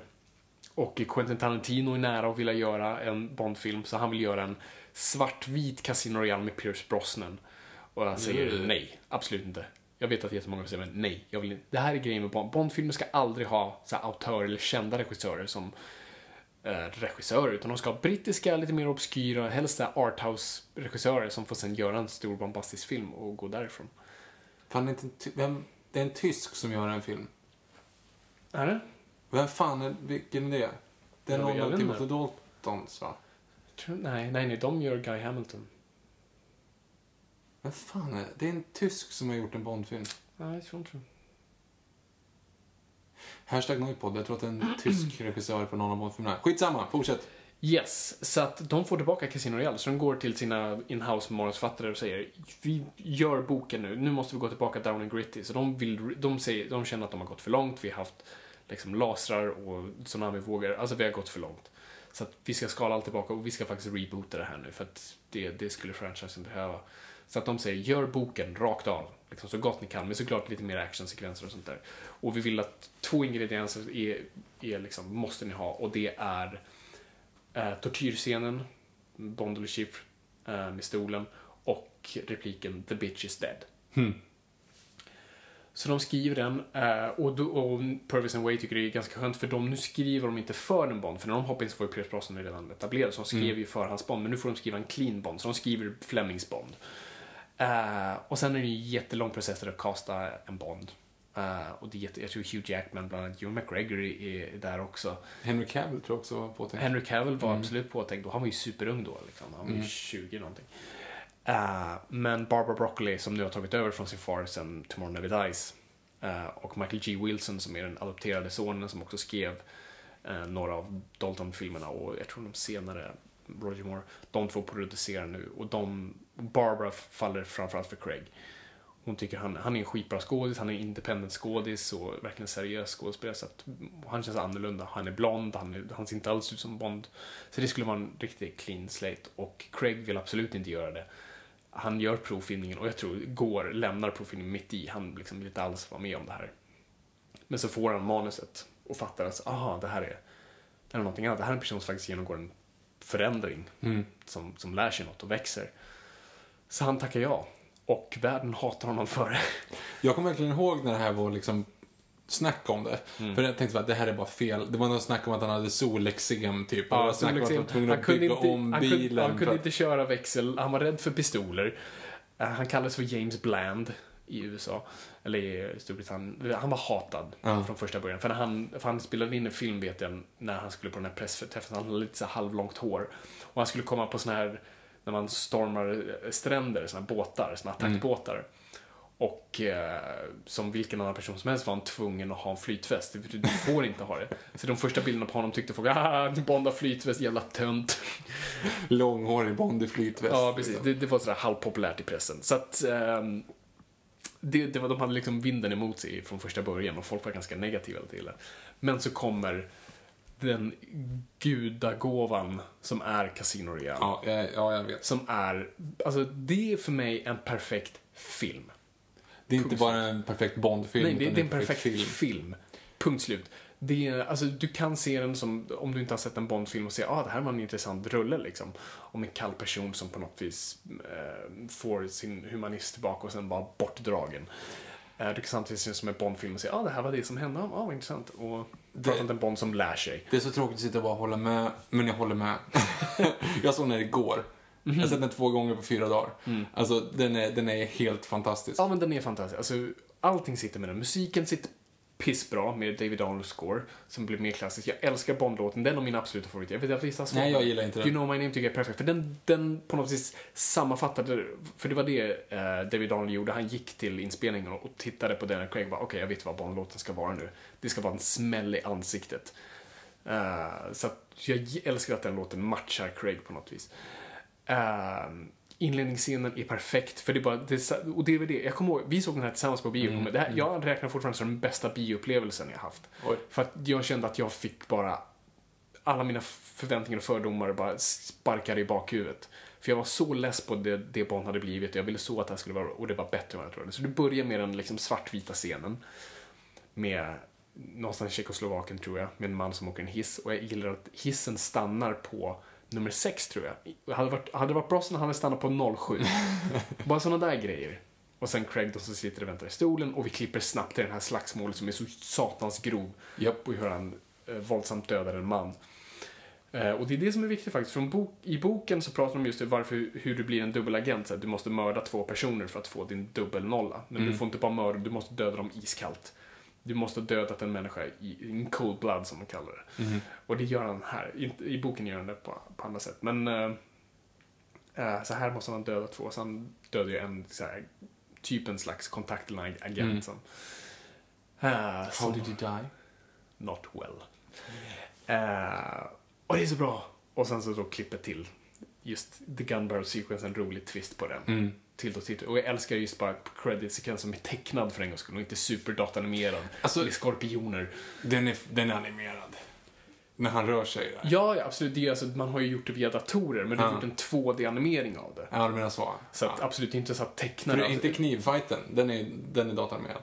ja, allt är gjort i data. Jo, men jag vet, men det är inte 2D. Okej, grejen var så här. Jag, jag, jag är inte riktigt så förtjust i just den sekvensen. Jag tycker det är bästa som har gjorts. Ja, jag tänker på, tyvärr, det är för mycket Bond i den. Det är för mycket att han springer omkring och slåss och grejer. Ja, det är en rolig för jag hatar själv när Bond är del av sin titelsekvens. Ja, ja, ja, och han är ju det i den här. Eller det, det är Fast- en Bond. Fast det är en silhuett av en Bond. Jo, det är jag och det är så här lite Life of Brian. Life of Brian? Ja, för, för de som faller igenom... Ja, som faller igenom och här blir Ja, jag håller sparkad och med. små fötter och såna grejer. Det, skulle kunna vara vem som helst egentligen. Jo, men jag vet, men det är ju ändå, det är en liten gubbe som är så här Linus på linjen slash Life, life of Brian. Nu, nu tycker jag det är orättvis. uh, men, men ja, alltså jag, jag bara fullkomligt älskar bara den biten av det. Mm. Och sen klipper vi då till uh, Afri eh, afrikanskt krigsläger. Mm. Eh, men sen framförallt är det den fucking jävla parkourscenen. Parkourscenen. Ja, den är helt, helt bananas. flera saker som är bra med det här. För det första, när vi klipper till det, och det, här- det här är det som är Bond för mig. För det första, eh, det är två agenter där. Snubben tar på sitt öra, vilket jag har alltid hatat i filmer, och Bond säger “Stop touching your ear”. Och sen det bästa Bond gör i den scenen, vilket, för att den här killen blir såklart tagen i bar gärning när han har, så att eh, den här parkourkillen, eller terroristen, eh, kutar iväg. Och det bästa är att Bond inte springer efter honom Nej, han direkt. står kvar tills Han han står inte kvar tills han har sprungit förbi honom så att inte han ska se att han är förföljd. Mm. Det, är det är en av de bästa detaljerna något. Det är så en agent tänker. Ingen, och det hade de aldrig gjort tidigare för han hade kutat hoppat ner direkt utan Bond står kolugn, väntar, håller sig armarna i kors och sen bara pum, iväg direkt. Och sen också att han, att han bryter igenom lite så här riktigt brittiskt när han blir stressad. Mm. Eh?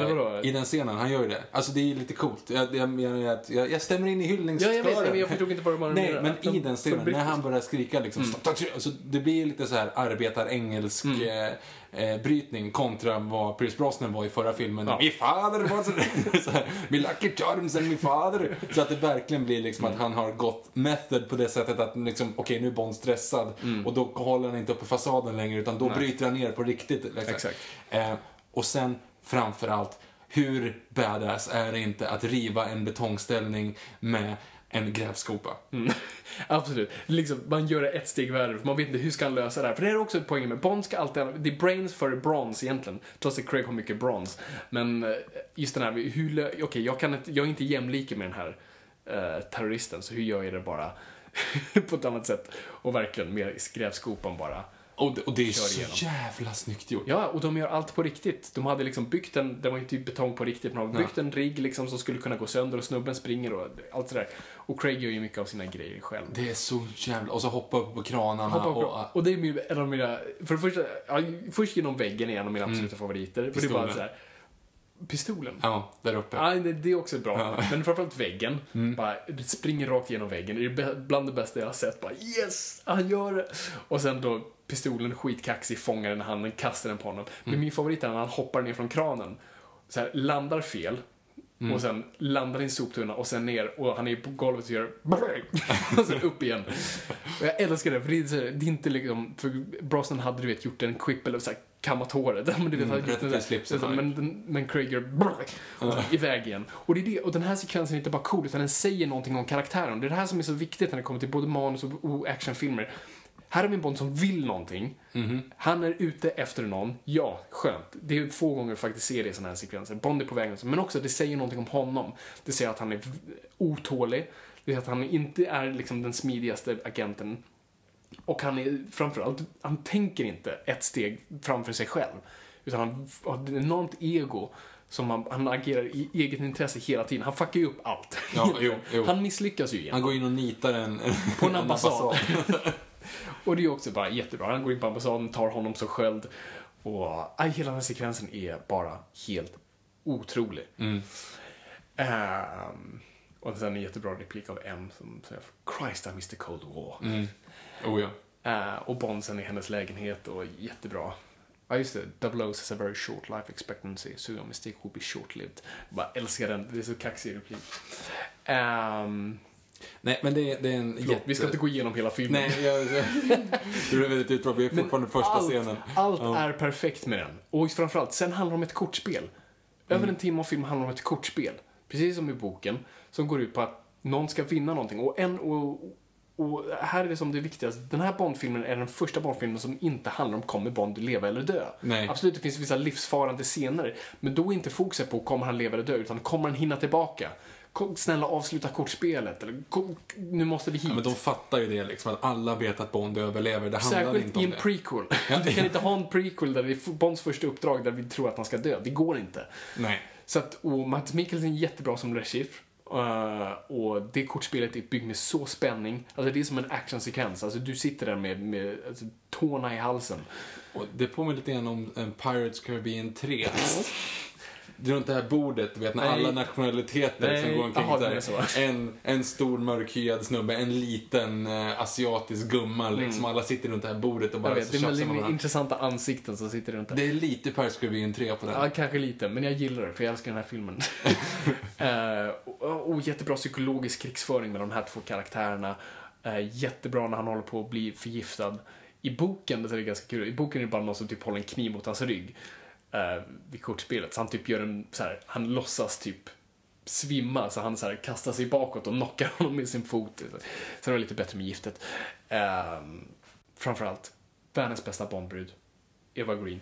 Framförallt för att jag har en crush på Eva Green. Men, men också för att jag tycker hon, nej men hon fungerar som en karaktär. För att vad jag, jag, gillar, jag gillar inte uttrycket just det här strong female character, vilket inte betyder att jag inte gillar den, utan alltså när man säger det så betyder det ofta att ah, tjejen kan slå slå Snowman, men hon är ändå svag och faller för en man som är mycket bättre än henne. Jag gillar female character som har brister, som är en människa som kan vara stark, som kan vara svag, som kan vara allting. Uh, och här har vi en female character. Här har vi en person med djup som också är en jämlike för Bond. Och inte på fysisk nivå den här gången, utan på en ren psykologisk nivå. Hon är skitsmart, hon är kaxig och när de två sitter och analyserar varandra är hur bra som helst. På tåget. Jättebra förutom Kaching, men Förutom Omega Moment. Ja. Ja, just det. Omega, Eh, Rolex, Rolex, Omega, beautiful. Ja, det är lite sådär. Ja, de var tvungna att få in pengarna någonstans. Och som han också får in väldigt mycket på Ford, för det är lite samma sak där. Han kör ju också en familjebil i den här. Vilket jag älskar. Här gillar jag det, för det var inte huvudbondbilen. För hade, Brosnan, hade det varit Brosnan hade det bara varit så fina bilar och, och vodka martinis hela tiden. Här, han Oj, dricker... vad, han, du, vad du han, älskar allt. Han dricker, han dricker vanliga drinkar, han dricker öl. Och som Bond gör, Bond dricker allt. Han har druckit fotogen i någon bok, vet jag. Ehm, och eh, han kör Ford först. Det är förrän sen han får sin Aston Martin. Och jag gillar de bitarna. Allt ska inte vara så super-Bond. Och han gör också, han, hans favoritdrink är Vesper. Fram till slutet på filmen. Och Vesper är egentligen, för er som inte vet, det är det som är hans alltså, signaturdrink. Det är bara att man har förkortat det. Vodka martini eller dry martini shaken not stirred. Men det, är, alltså, det receptet han säger är den från boken och den som är den riktiga Bonddrinken. Eh, Har druckit, kan rekommendera om man gillar sprit, sprit och sprit. Okej, men nu kommer vi in på, på lite grann sån här. Har du något att klaga på? Vad, vad, vad är du för fel på? Vad- Jag har en fråga. Okej. Alltså, säg så här. okej, vi tar frågorna i kronologisk ordning. Yes. Eh, och jag måste lägga in att det är jätte green screen när Le Chiffs flickvän kommer in på båten. Ja, och det hela den båten är jättemycket green screen. jätteilla. Jag håller med. Men, i tortyrscenen som är helt underbar. Åh, tortyrscenen. Åh, det är så bra. Lugn! I tortyrs- tortyrscenen, som är jättebra, Mm. så hör ju han Vesper. Ja, precis.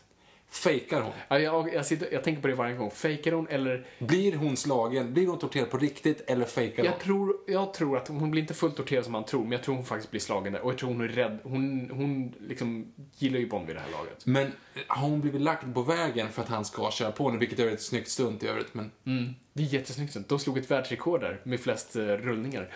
Eh, ja, precis. Men där skiter ju de i Vesper. De är ju klara med henne. Mm. Så kör han på henne så är det skitsamma, för de, de har ju honom redan. Jo, men i det läget då, varför i nästa läge eh, blir hon verkligen torterad? Sitter hon där Jag inne tror- och typ låtsas skriker? Jag tror de slår omkring henne lite i alla fall. Är, tror Jag- du det? jag- Eller tror du vill bara, för du är lite kär i Vesper, du vill att hon ska vara godare än hon egentligen är. Nej, jag, vet inte. Jag vet inte. Och sen kommer ju då Quantum och klipper honom.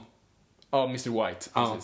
Vilket är skitcoolt för övrigt, att det är så liksom skur- Mhm. huvudskurken dör.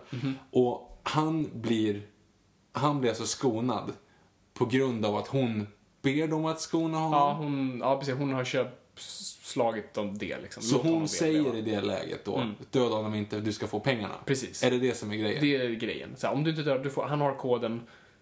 Liksom, låt honom leva så fixar jag det här. Mm. Sen måste jag bara lägga in att Mhm. det är en så söt scen. Alltså när de är på stranden. Mhm. Och du vet, de, han ska säga upp sig. Mm. Han ska få ett honest jobb. Han ska, De ska glida omkring runt, segla runt jorden och vara kära. Whatever Och, is left of me. och tycka om varandra. Whatever I am. I'm all yours. Det är så fint. Det är så fint! Det är så sött. ja, Om jag skulle få välja en film på alla hjärtans dag, Flickvännen kommer mörda mig för det, skulle jag välja Casino Royale. Det är en av de mest romantiska filmerna jag har sett och så tragiskt. Eh, jag håller inte riktigt med där. Men alltså just de där scenerna, det är så jävla fint. När de Mm, sitter där, de är så kära och hon tar av sig den här kärleksknuten för honom. Hon, you're de, in love not. och de ska vara där ute, de ska, de ska åka båt tillsammans och de ska vara kära Och sen gifta fuckar hon upp allting. Och få jättemånga barn och, och sitta där på en veranda och åldras tillsammans och hålla varandra i handen Mhm. och han ska bli snickare och han ska bygga upp det där huset som de en gång förlorade oskulden i när de var unga. Ute, Vem? och sen så, kommer, så tittar hon någon annan person och sen så, så kommer hon att gifta sig. Och hon ska gifta sig med någon annan men sen så Åh, precis innan hon gifter sig en kommer dörr. hon tillbaka. Så hon kommer tillbaka till Åh, honom Gud. och då bara träffas för en gång och så säger ja men vi ska bara träffas, vi är bara kompisar, ingen fara. Liksom. och sen så ska de ut och så ska de åka så är ute och ror och det är massa Canada yes och han säger att de här gässen är bara här just nu men sen ska de försvinna. De kommer tillbaka, det börjar regna, de kommer upp på, på båt och det bara så här, det var så fint moment, de kommer upp på, på bryggan och hon ska gå därifrån och det bara vänds allting och bara så här.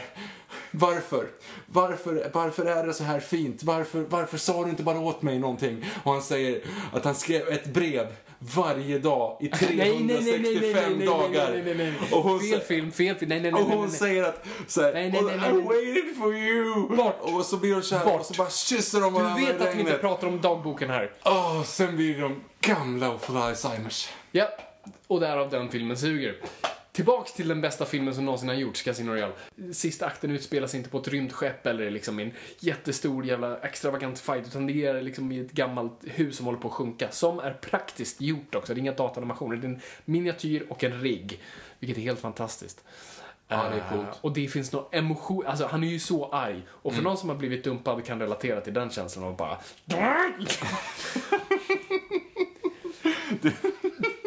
så att, Gå ut på killing spree. Ja, ja men exakt. Vilket kommer att leda oss till konton. Men, så, att- och den är jättebra och det är så mycket grejer och, och det är så sorgligt när hon dör. Och det är en av de verkligaste dödsscenerna jag har sett, när hon andas in vatten. För folk som oftast dör i vatten, det blir den här, Han sjunker ju bara. sjunker. ifrån Men hon får ju den här, du vet, Nej men det är det, hon man ser hon, sten. hon suger- sväljer vatten. Mm. För hon får den här, du vet, ah, fan, det är så obehagligt att se. Och hur han verkligen så här sörjer. Han- Han flåsgråter ju sen. Vilket är den så här manligaste gråtscenen jag någonsin har sett. Som är den där... Bara... Ja, jag är lika kär i henne som jag är i Daniel Jag är Craig, kanske så- lite mer kär, kär i Craig. Ja, jag tror också att jag är det. Och sen har vi ju då repliken han pratar om M. Job's done, bitch is dead. Ja men så det är fantastiskt. Eh, och sen så jag, tar han ju reda på Mr White. Ja. Sjukt Mr White, we need to talk. Who is this? Bam! Och sen kommer den eh, bästa versionen av Bond-temat. Mm. Som börjar med det. Och sen så växer den långsamt. Vi har inte haft Bond-temat i hela filmen, Victor. Utan vi rör oss dit långsamt. Ja, det Med liksom lite brass. Bra, bra, bra. Och sen så två skor och en three-piece suit. eh, som eh, Bond inte haft på länge. Och så den kända repliken som platsar så bra. Kunde den ha suttit bättre? Och med världens största vapen i hand också. Bond, James Bond. Mhm. Mm. Ja, jo, nej, men det, det, det, är en, det är en väldigt bra film. Mm. Craig är ju den som är mest lik Flemings Bond. Alltså betydligt mer rough och liksom kall.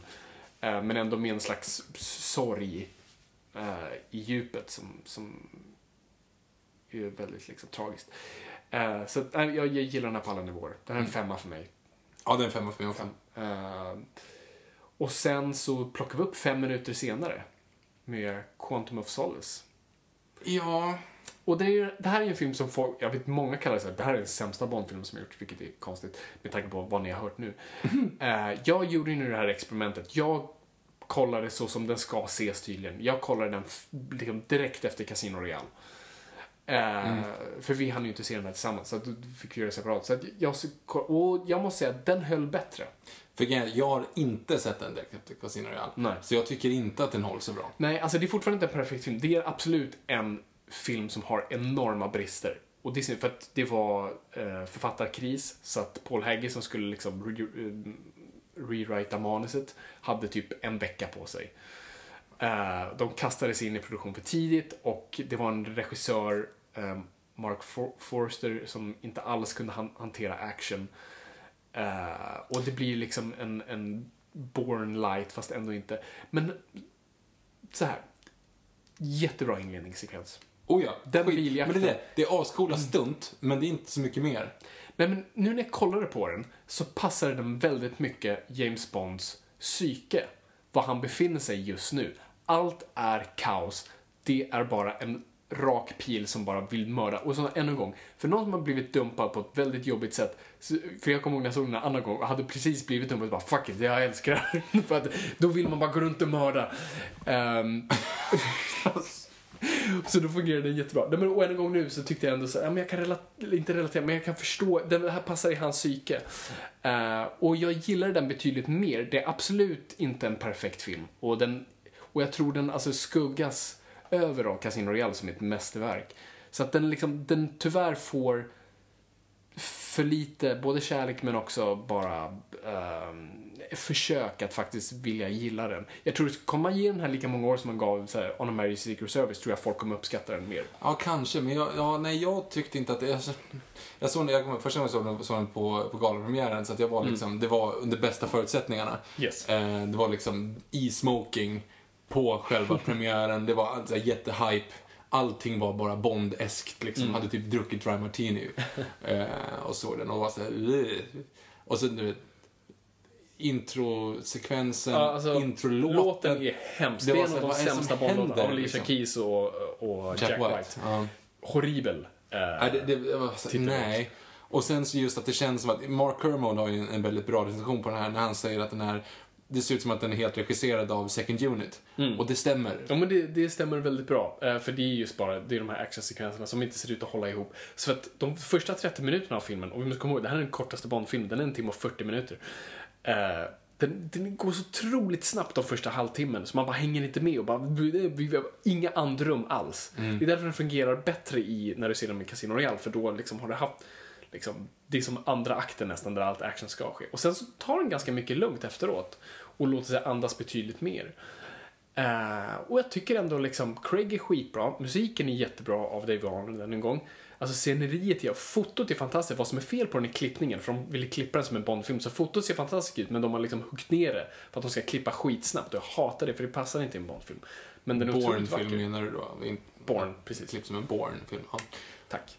Eh, jag gillar detaljen att de skickar ut skurken i öknen så han får dricka olja, Dricka olja. för att det är så jävla rått och, och hemskt. Och en perfekt hämnd.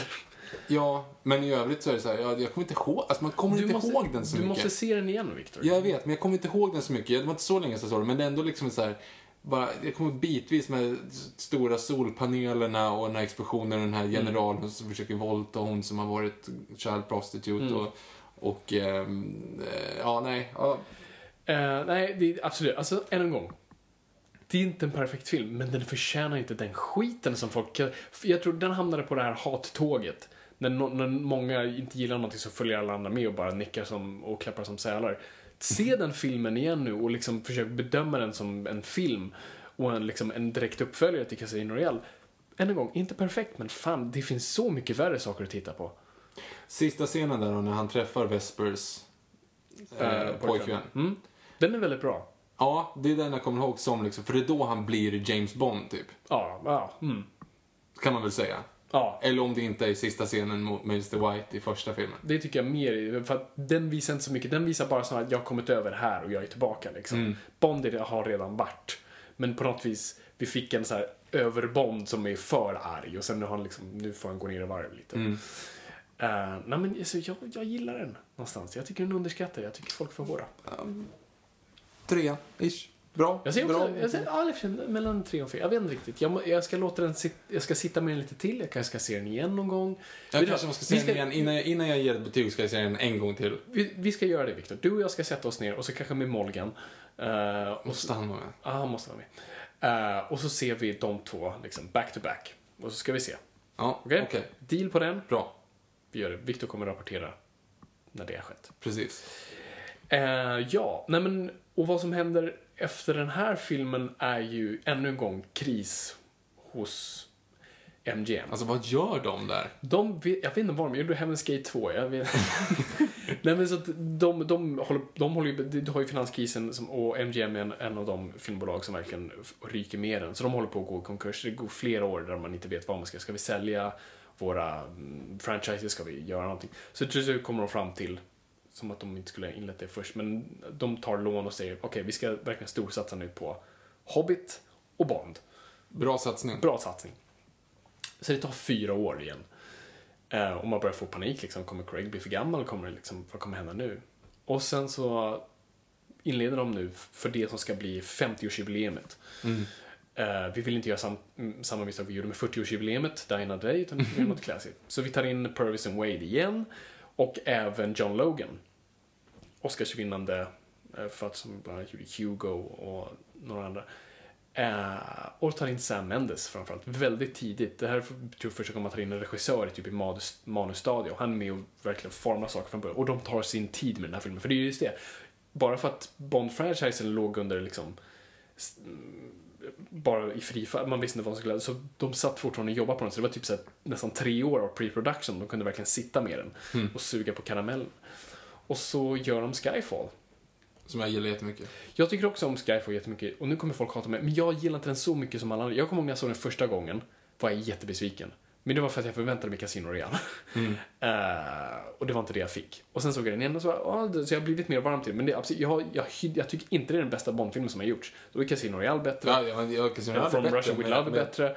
Eh, för att vad den filmen är och vad den ska ses som, det är en hyllningsfilm till Bond. It makes no sense. Den är bara väldigt fin, den är otroligt vacker och den liksom har och fina hyllningar men det liksom makes no sense som film. Eh, och eh, och för ha, det jag svår, mest svårast för den filmen är alla datan. Jag hatar datagrafik i Bondfilmer och jag tycker de, alltså alla komodo-varaner, Ja, gud. Eh. Åh, de, den... eh, face replacements, helikoptrar, eh, den där ön. Alltså allt som ska vara fake ser fake ut. Och det stör mig för det tar mig ur filmen. Och så, och så här, komodovaranerna, ta för det första en riktig komodovaran för dina så här, när du filmar ifrån den. Sen, du har Stan Winston Studios, du har pengarna, gå och köp in en docka. jag har ju erfarenhet, jag har ju träffat komodovaraner. Ja, du är Flera, med flera gånger. Jag har liksom tagit en selfie med Werner på Eskilstuna Zoo. Alltså, de är... Det är ett av jordens häftigaste djur. Mhm. Och det går faktiskt att träna dem. Alltså, du, du skulle kunna få dem att göra de grejerna de gör i den filmen. Mm. För de gör ingenting. De kommer fram krypande och det är en som liksom ruschar och går lite snabbare. Som man kliver på. som man kliver på och det blir lite så här, och det syns ju direkt att de är animerade för att de Mm. rör sig för mycket. Och återigen, det, det är Jurassic World-grejen. Mm. De rör sig för mycket. De rör sig inte som reptiler, de rör sig som typ dinosaurier. Mm. Och det, det funkar inte riktigt. Det funkar inte och de är Nej. för blanka och de är så här, och bara, fan, nej, du ska inte göra sådär, du, du tar mig ur filmen. Precis som, vilket är intressant, för det finns ju en jättestor dataanimering i Casino Royale också. När planet lyfter. När de är Ja, just på, det, precis. För då är det ju de här polisbilarna som exakt. flyger av. Som de dock gjorde på riktigt. Flygplanet flyger på riktigt. Eller förlåt, bilen flyger på riktigt. Ja, men det är en animering i alla fall i Absolut. den grejen liksom. Och det är så här, det funkar för det är snabbt och det är så här grejerna. Ja, och det är en statisk grej. Det är inget djur, så att det är Precis, men just med Uncanny Valley, du ser att det där inte är ett riktigt djur. Jag vet att inte Daniel Craig kommer vara i fara på riktigt när de spelar in det Mm. när de sitter fram en banan. Självklart. Men det är ändå någonting som bara Mm. Nej, men det, än en gång, det tar mig ur filmen som Casino Royale aldrig gjorde. Och de tar upp lite samma tema som Casino Royale har redan gjort genom så här, nu ska vi så här, ge Bond riktigt liv. Så här, men dog han? Alltså, jag tycker den har många, liksom, den tar många grejer som redan har, pratats om. Och jag stör mig på kontinuitetsbiten, sen Bonds bi, alltså nu pratar de om att Bond är gammal och utdöd. Och jag förstår, det är en tematisk grej, för allt Sam Mendes gör i den filmen är tematik. Och jag beundrar det på ett plan, på ett annat plan så blir det mm, För att, att de säger att du är gammal, du är liksom, det finns ingen plats för dig, liksom, det kanske är dags att lägga av. Och han har bilen från Goldfinger, så det är som så här, där vi började precis om den här franchisen, men har han lyft igenom nu allting som hände mellan Casino Royale och nu? men han vann väl den i Casino Royale? Ja, det är det. Purvis and Wade pratade om det i en intervju. Så här, när vi skrev manuset så skrev vi som det att det här är bilen han vann i Casino Royale. Sen skrev Sam Mendes och John Logan om det som alltså Goldfinger-bilen att den skulle ha. Aha, och, och så de har det där bara för som alltså det är en söt hyllning. Jag, men jag kommer ihåg jag såg det så bara, äh, ja det var gulligt men nej, det känns, nu är vi på Dina nivåer här. Nu börjar vi titta tillbaka, titta inte tillbaka, don't look back. Alltså, för det fyller ju ingen funktion plottmässigt med en sån här gullig hint. och jag att de kan det. skjuta med den liksom. Ja, de kan skjuta med den. Sen tycker jag, jag, alltså jag tycker, vad heter Javier Bardems karaktär? Silva. Okej, du kommer, jag, jag glömmer alltid bort det. Mhm. Jag tycker inte han är så intressant. Jag tycker det är ett intressant koncept med honom, som en gammal agent, som är, de kallar för en sån här dödsängel, han är liksom fin på utsidan, eller ser ut, ska ha blicken vara fin, men rötten inombords. Mm. Än en gång, tematiken fungerar, men jag tycker inte det översätts hela vägen till, alltså förlåt, det låter som jag såg den här filmen nu, jag tycker jättemycket om Skyfall, men det, det här är problemen jag har. Och än en gång, en skurk som, som vi hade sett nu i tre, två filmer i rad med Loki och Jokern som låter sig själv bli tillfångatagna för att sen, det var planen all along. Och hans plan är för uttänkt. Så min plan är, Bond ska smugglas med på båten, men jag har ändå skickat folk att döda honom, men han kommer klara det. Det är lugnt, han dödar dem, hoppas jag. Uh, sen ska han med på båten med Bernice Marlows karaktär, han kommer hit jag ska leka med honom tills i alla fall förhoppningsvis MI6 kommer. Så inte han råkar dö när han försöker bryta sig loss och mina henchmen skjuter honom. Sen ska jag tas till MI6 där jag placerar min dator med ett dataprogram som kan öppna alla luckor för att ett, på ett ställe han inte har varit förut, för det här är nya MI6, så det är inte gamla huset. Sen ska jag ta mig ut, matcha perfekt med liksom poliser för att få en polisdräkt och sen ska jag dit, jag ska, och den Och värsta är tunnelbanan. tunnelmatcha Ja, så, här, så att den kommer. Så alltid för, jag hatar när saker blir för uttänkt. Men är det det då, eller freestylar han när, han- när Bond väl kommer dit?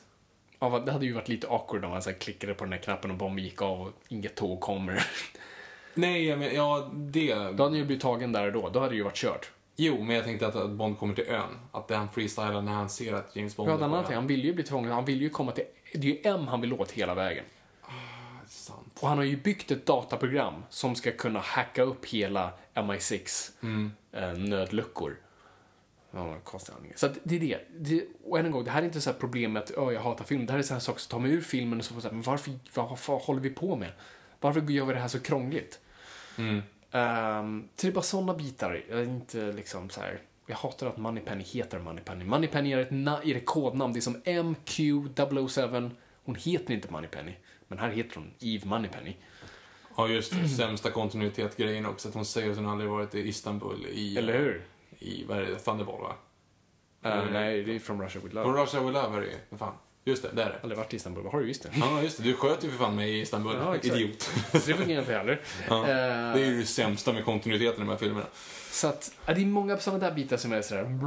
Men jag tycker alltså, som en hyllningsfilm, som en sån här, du vet, utom kontinuitet, som en sån här parallellt universumfilm. Som så här, kolla vad fint, kolla vilken historia Bond har, kolla alla de här grejerna, kolla, det här, så här fungerar han i världen idag, vilken rolig tematik om att han är gammal. Hur skulle du bygga, om du skulle bygga, sätta ihop kontinuiteten, hade det varit så här Casino Royale, Quantum of Solace, Dr. No? Alltså, alltså hade det börjat om från början då? Nej, jag ser det som, som jag läser serietidningar, det här är lätt för mig. Så jag tänker att, så här, Crisis on Infinite Earth, nej jag tänker att de här gamla Bond-filmerna gick en kontinuitet fram tills, eller egentligen, okej, vi säger, det här är te- teori nummer ett, att de gick till Dina Day, reboota, universum gick sönder, nu börjar en ny Bond. Liksom, Bond, kom, Bond kan inte ha upplevt allt det där, det vore jättekonstigt, Daniel Craig i rymden och allt sånt där, och Jaws. Men det kommer ju vara det. Alltså han, Casino Royale, Quantum är ju liksom två första. Sen så upplever man allt det här och sen kommer Skyfall. Ja, det ska det ju vara. Men jag vill att, jag tänker ändå i mitt huvud att Skyfall är efter Quantum. Så det är bara de tre. Han har bara gjort tre Han har, gjort, grejer. han har gjort tre, eller alltså det kan ju varit typ två år mellan, han, saker kan ha hänt. Russia with Love. Russia with Love kan ha hänt, Ja. fast inte enligt... Uh, jo, i och för sig, nej, nej det var inget. Um, nej men så, Ja just det, nej, så- Russia with Love kan ju inte ha hänt för hon har ju varit i Istanbul. Ja, precis. Eh, så lite saker kan ha hänt, men inte allt för mycket. Men sen tänker jag egentligen, alltså, alltså ska man, alltså Pierce Brosnan kan ju inte ha levt alltså 1961, så att Jo, han var sju år. Så att det, varje Bond har sitt så här, parallella universum, tänker jag. Jag tänker att varje Bond lever i sin, liksom, på sin jord någonstans i, i multiversumet. Ja, Men hur tänker du? Du tänker inte att. Bond är samma person, för då, då, då, då Nej, jag tänker inte att. Bond är samma person. Däremot så tänker jag eller olika personer. För att allting är... Nej, nej, nej, nej, men jag tänker att Bond är samma person, men jag tänker inte att det har skett som det visas. Mhm. Alltså jag menar, om du tänker eh, 2001, så såg det ju inte ut så 2001. Det, Mm. Den upplevelsen kanske har hänt, men det ser inte ut så är 60-tals estetik, för att det fan, Mm. de visste inte hur det skulle se ut. Så hypotetiskt, Dr. No, Mm. den sker ju mellan Quantum of Solace och Skyfall, men du, alltså, det händer i en modern version av Aha, den. men då är det ett parallellt universum. Nej, det är inte alls det. Nej, okej. Du ser ju bara inte hur det ser ut. Den storyn, om du berättar ett ark. Alltså om du har så här, vad, hur berättar James Bonds eh, karriär? Då skulle man berätta... Eh, Hans CV. Casino Royale, eh, Quantum of Solace, Dr. No, eh, From Russia With Love, Goldfinger. Alltså allt det där sker ju. Men Goldfinger kanske inte, det kanske inte var en Aston Martin från 60-talet, det kanske var en Aston Martin från Men då är, det ju, 2015. då är det ju ett parallellt universum. Det är inte ett inte universum. Det är bara att du inte får se det. Det, Okej. det, det är som Godzilla. Det är som, eh, som eh, Evans Godzilla. han heter Mhm, allting inte händer. Evans, vad fan heter han? Edward. Edwards Godzilla. Det är som att de har, på 50-talet så var det några som, som såg det här monstret Mm. och när de ska berätta om det så gjorde de den här filmen och gjorde den här dockan som de så, tror att det var ungefär så den såg ut. Fattar du? Det är inte så den funger, filmen fungerar. Det är visst så den Nej, det är så filmen- de, de, de tänkte när de gjorde filmen. Men det är så den filmen fungerar utifrån det perspektivet att det är så han tänker. Så det är så de tänker egentligen också. James Bonds karriär eh, såg ut på ett sätt. Det här återberättades genom en film som råkade ske på 1962. Därför så kunde de inte göra de gadgetsen och så vidare. Eller tvärtom, Casino Royale kanske var på 60-talet. Fast man visste inte det och de har bara översatt det. Jag har ingen aning. Jag har ingen Nej. aning. Jag, Jag, bara... jag, jag känner bara att det här är nytt. Skyfall ska vara, skiter i vad ni säger, men den ska vara efter Quantum of Solace med kanske nå, eh, säg ja, fyra års mellanrum då, för det har gått fyra år mellan filmerna. Men det är fortfarande inte bara, för det är ju det. Det är ju därför de har The Gun Barrel Sequence i också i Skyfall, för det är ju där de säger nu är Bond tillbaka, nu är Bond där vi så här, nu skulle Goldfinger kunna hända. Liksom. Om vi väljer att remake de här filmerna så är det så det kommer fungera. Så att det är ju det den Gun Barrel-sekvensen säger, för det är det, och, och det är den bästa scenen i hela Skyfall. Det är när Bond kommer in genom en vadderad dörr och M säger Are you ready to go back to work? Och säger han With pleasure M, with pleasure. Och så får han en fil där det står Top Secret. och den- det är Dr. No. Det är Dr. No, precis. Tänk vad coolt om det hade stått Dr. No. Det hade ju varit Jag ascoolt. hade bajsat på mig bokstavligt talat. Ehm, så, och det är det jag vill ha in i, i, i, i nästa Bondfilm. Jag har honom på ett hotell. Sätta upp lilla hårstrået. Han sätter upp ett hårstrå, kollar buggar och han får ett uppdrag. Och gör det! Mm.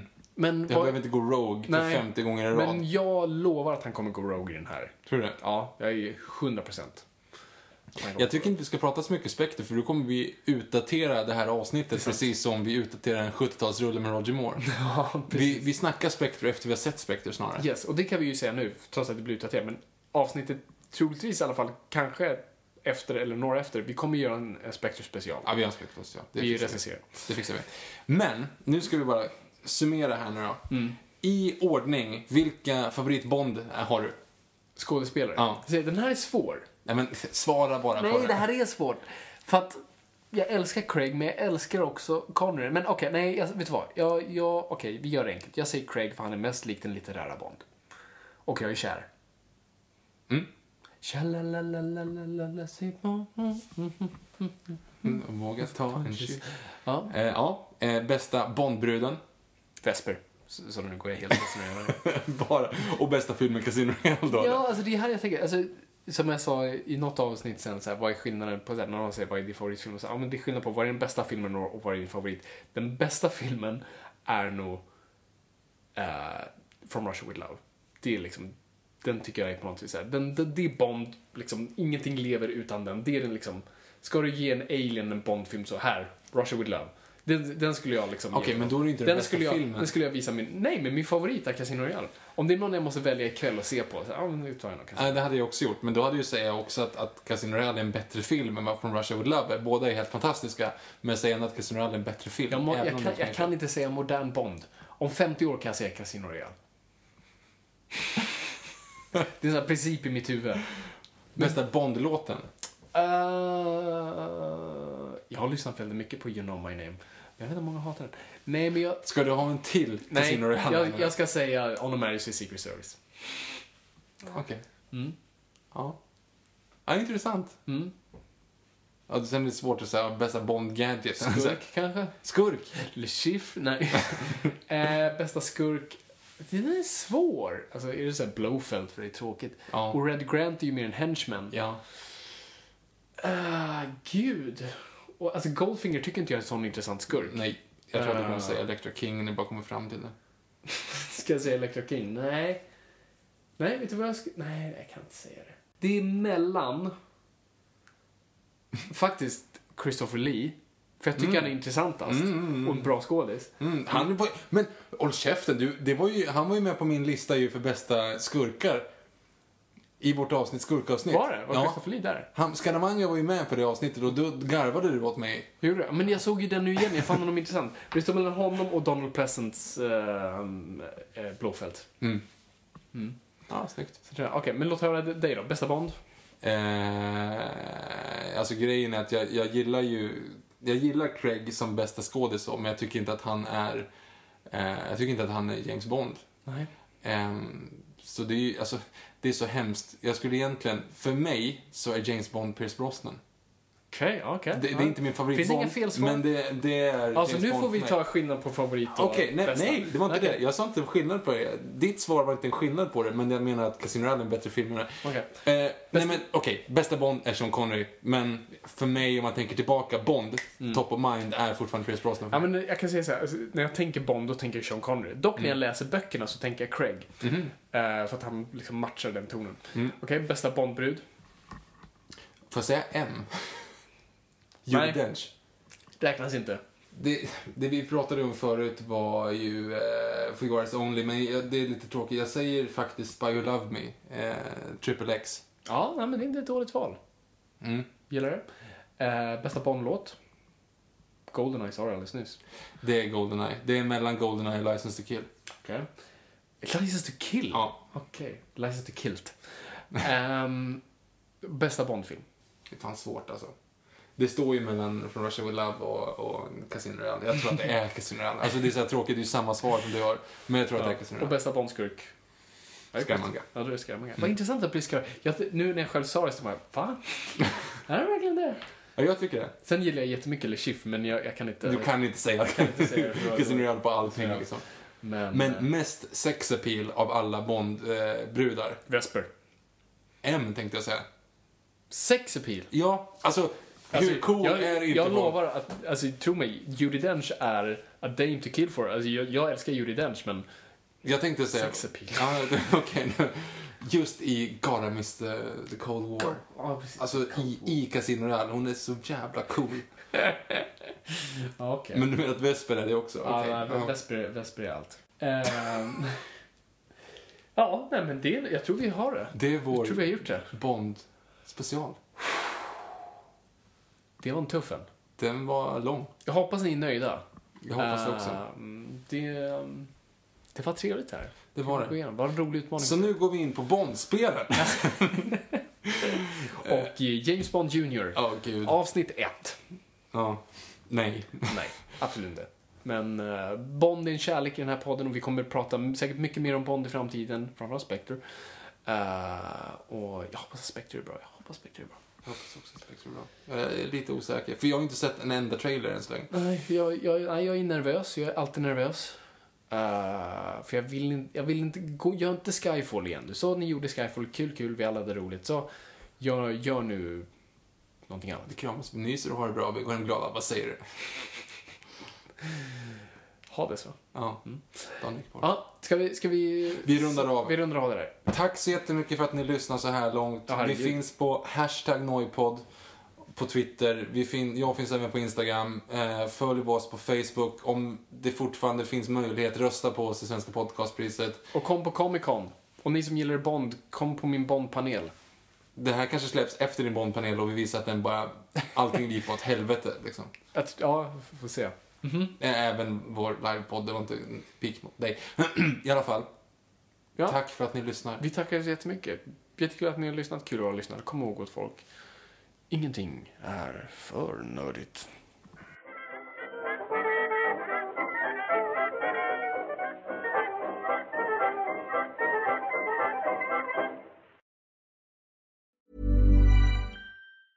Planning for your next trip?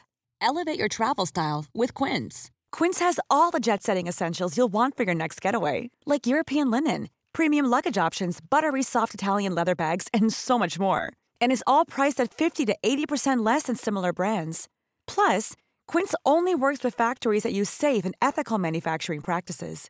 Pack your bags with high-quality essentials you'll be wearing for vacations to come with Quince. Go to quince.com slash pack for free shipping and 365-day returns. Imagine the softest sheets you've ever felt. Now imagine them getting even softer over time. That's what you'll feel with Bowl and Branch's organic cotton sheets. In a recent customer survey, 96% replied that Bowl and Branch sheets get softer with every wash. Start getting your best night's sleep in these sheets that get softer and softer for years to come. Try their sheets with a 30-night guarantee. Plus, get 15% off your first order at bowlandbranch.com. Code BUTTERY. Exclusions apply. See site for details.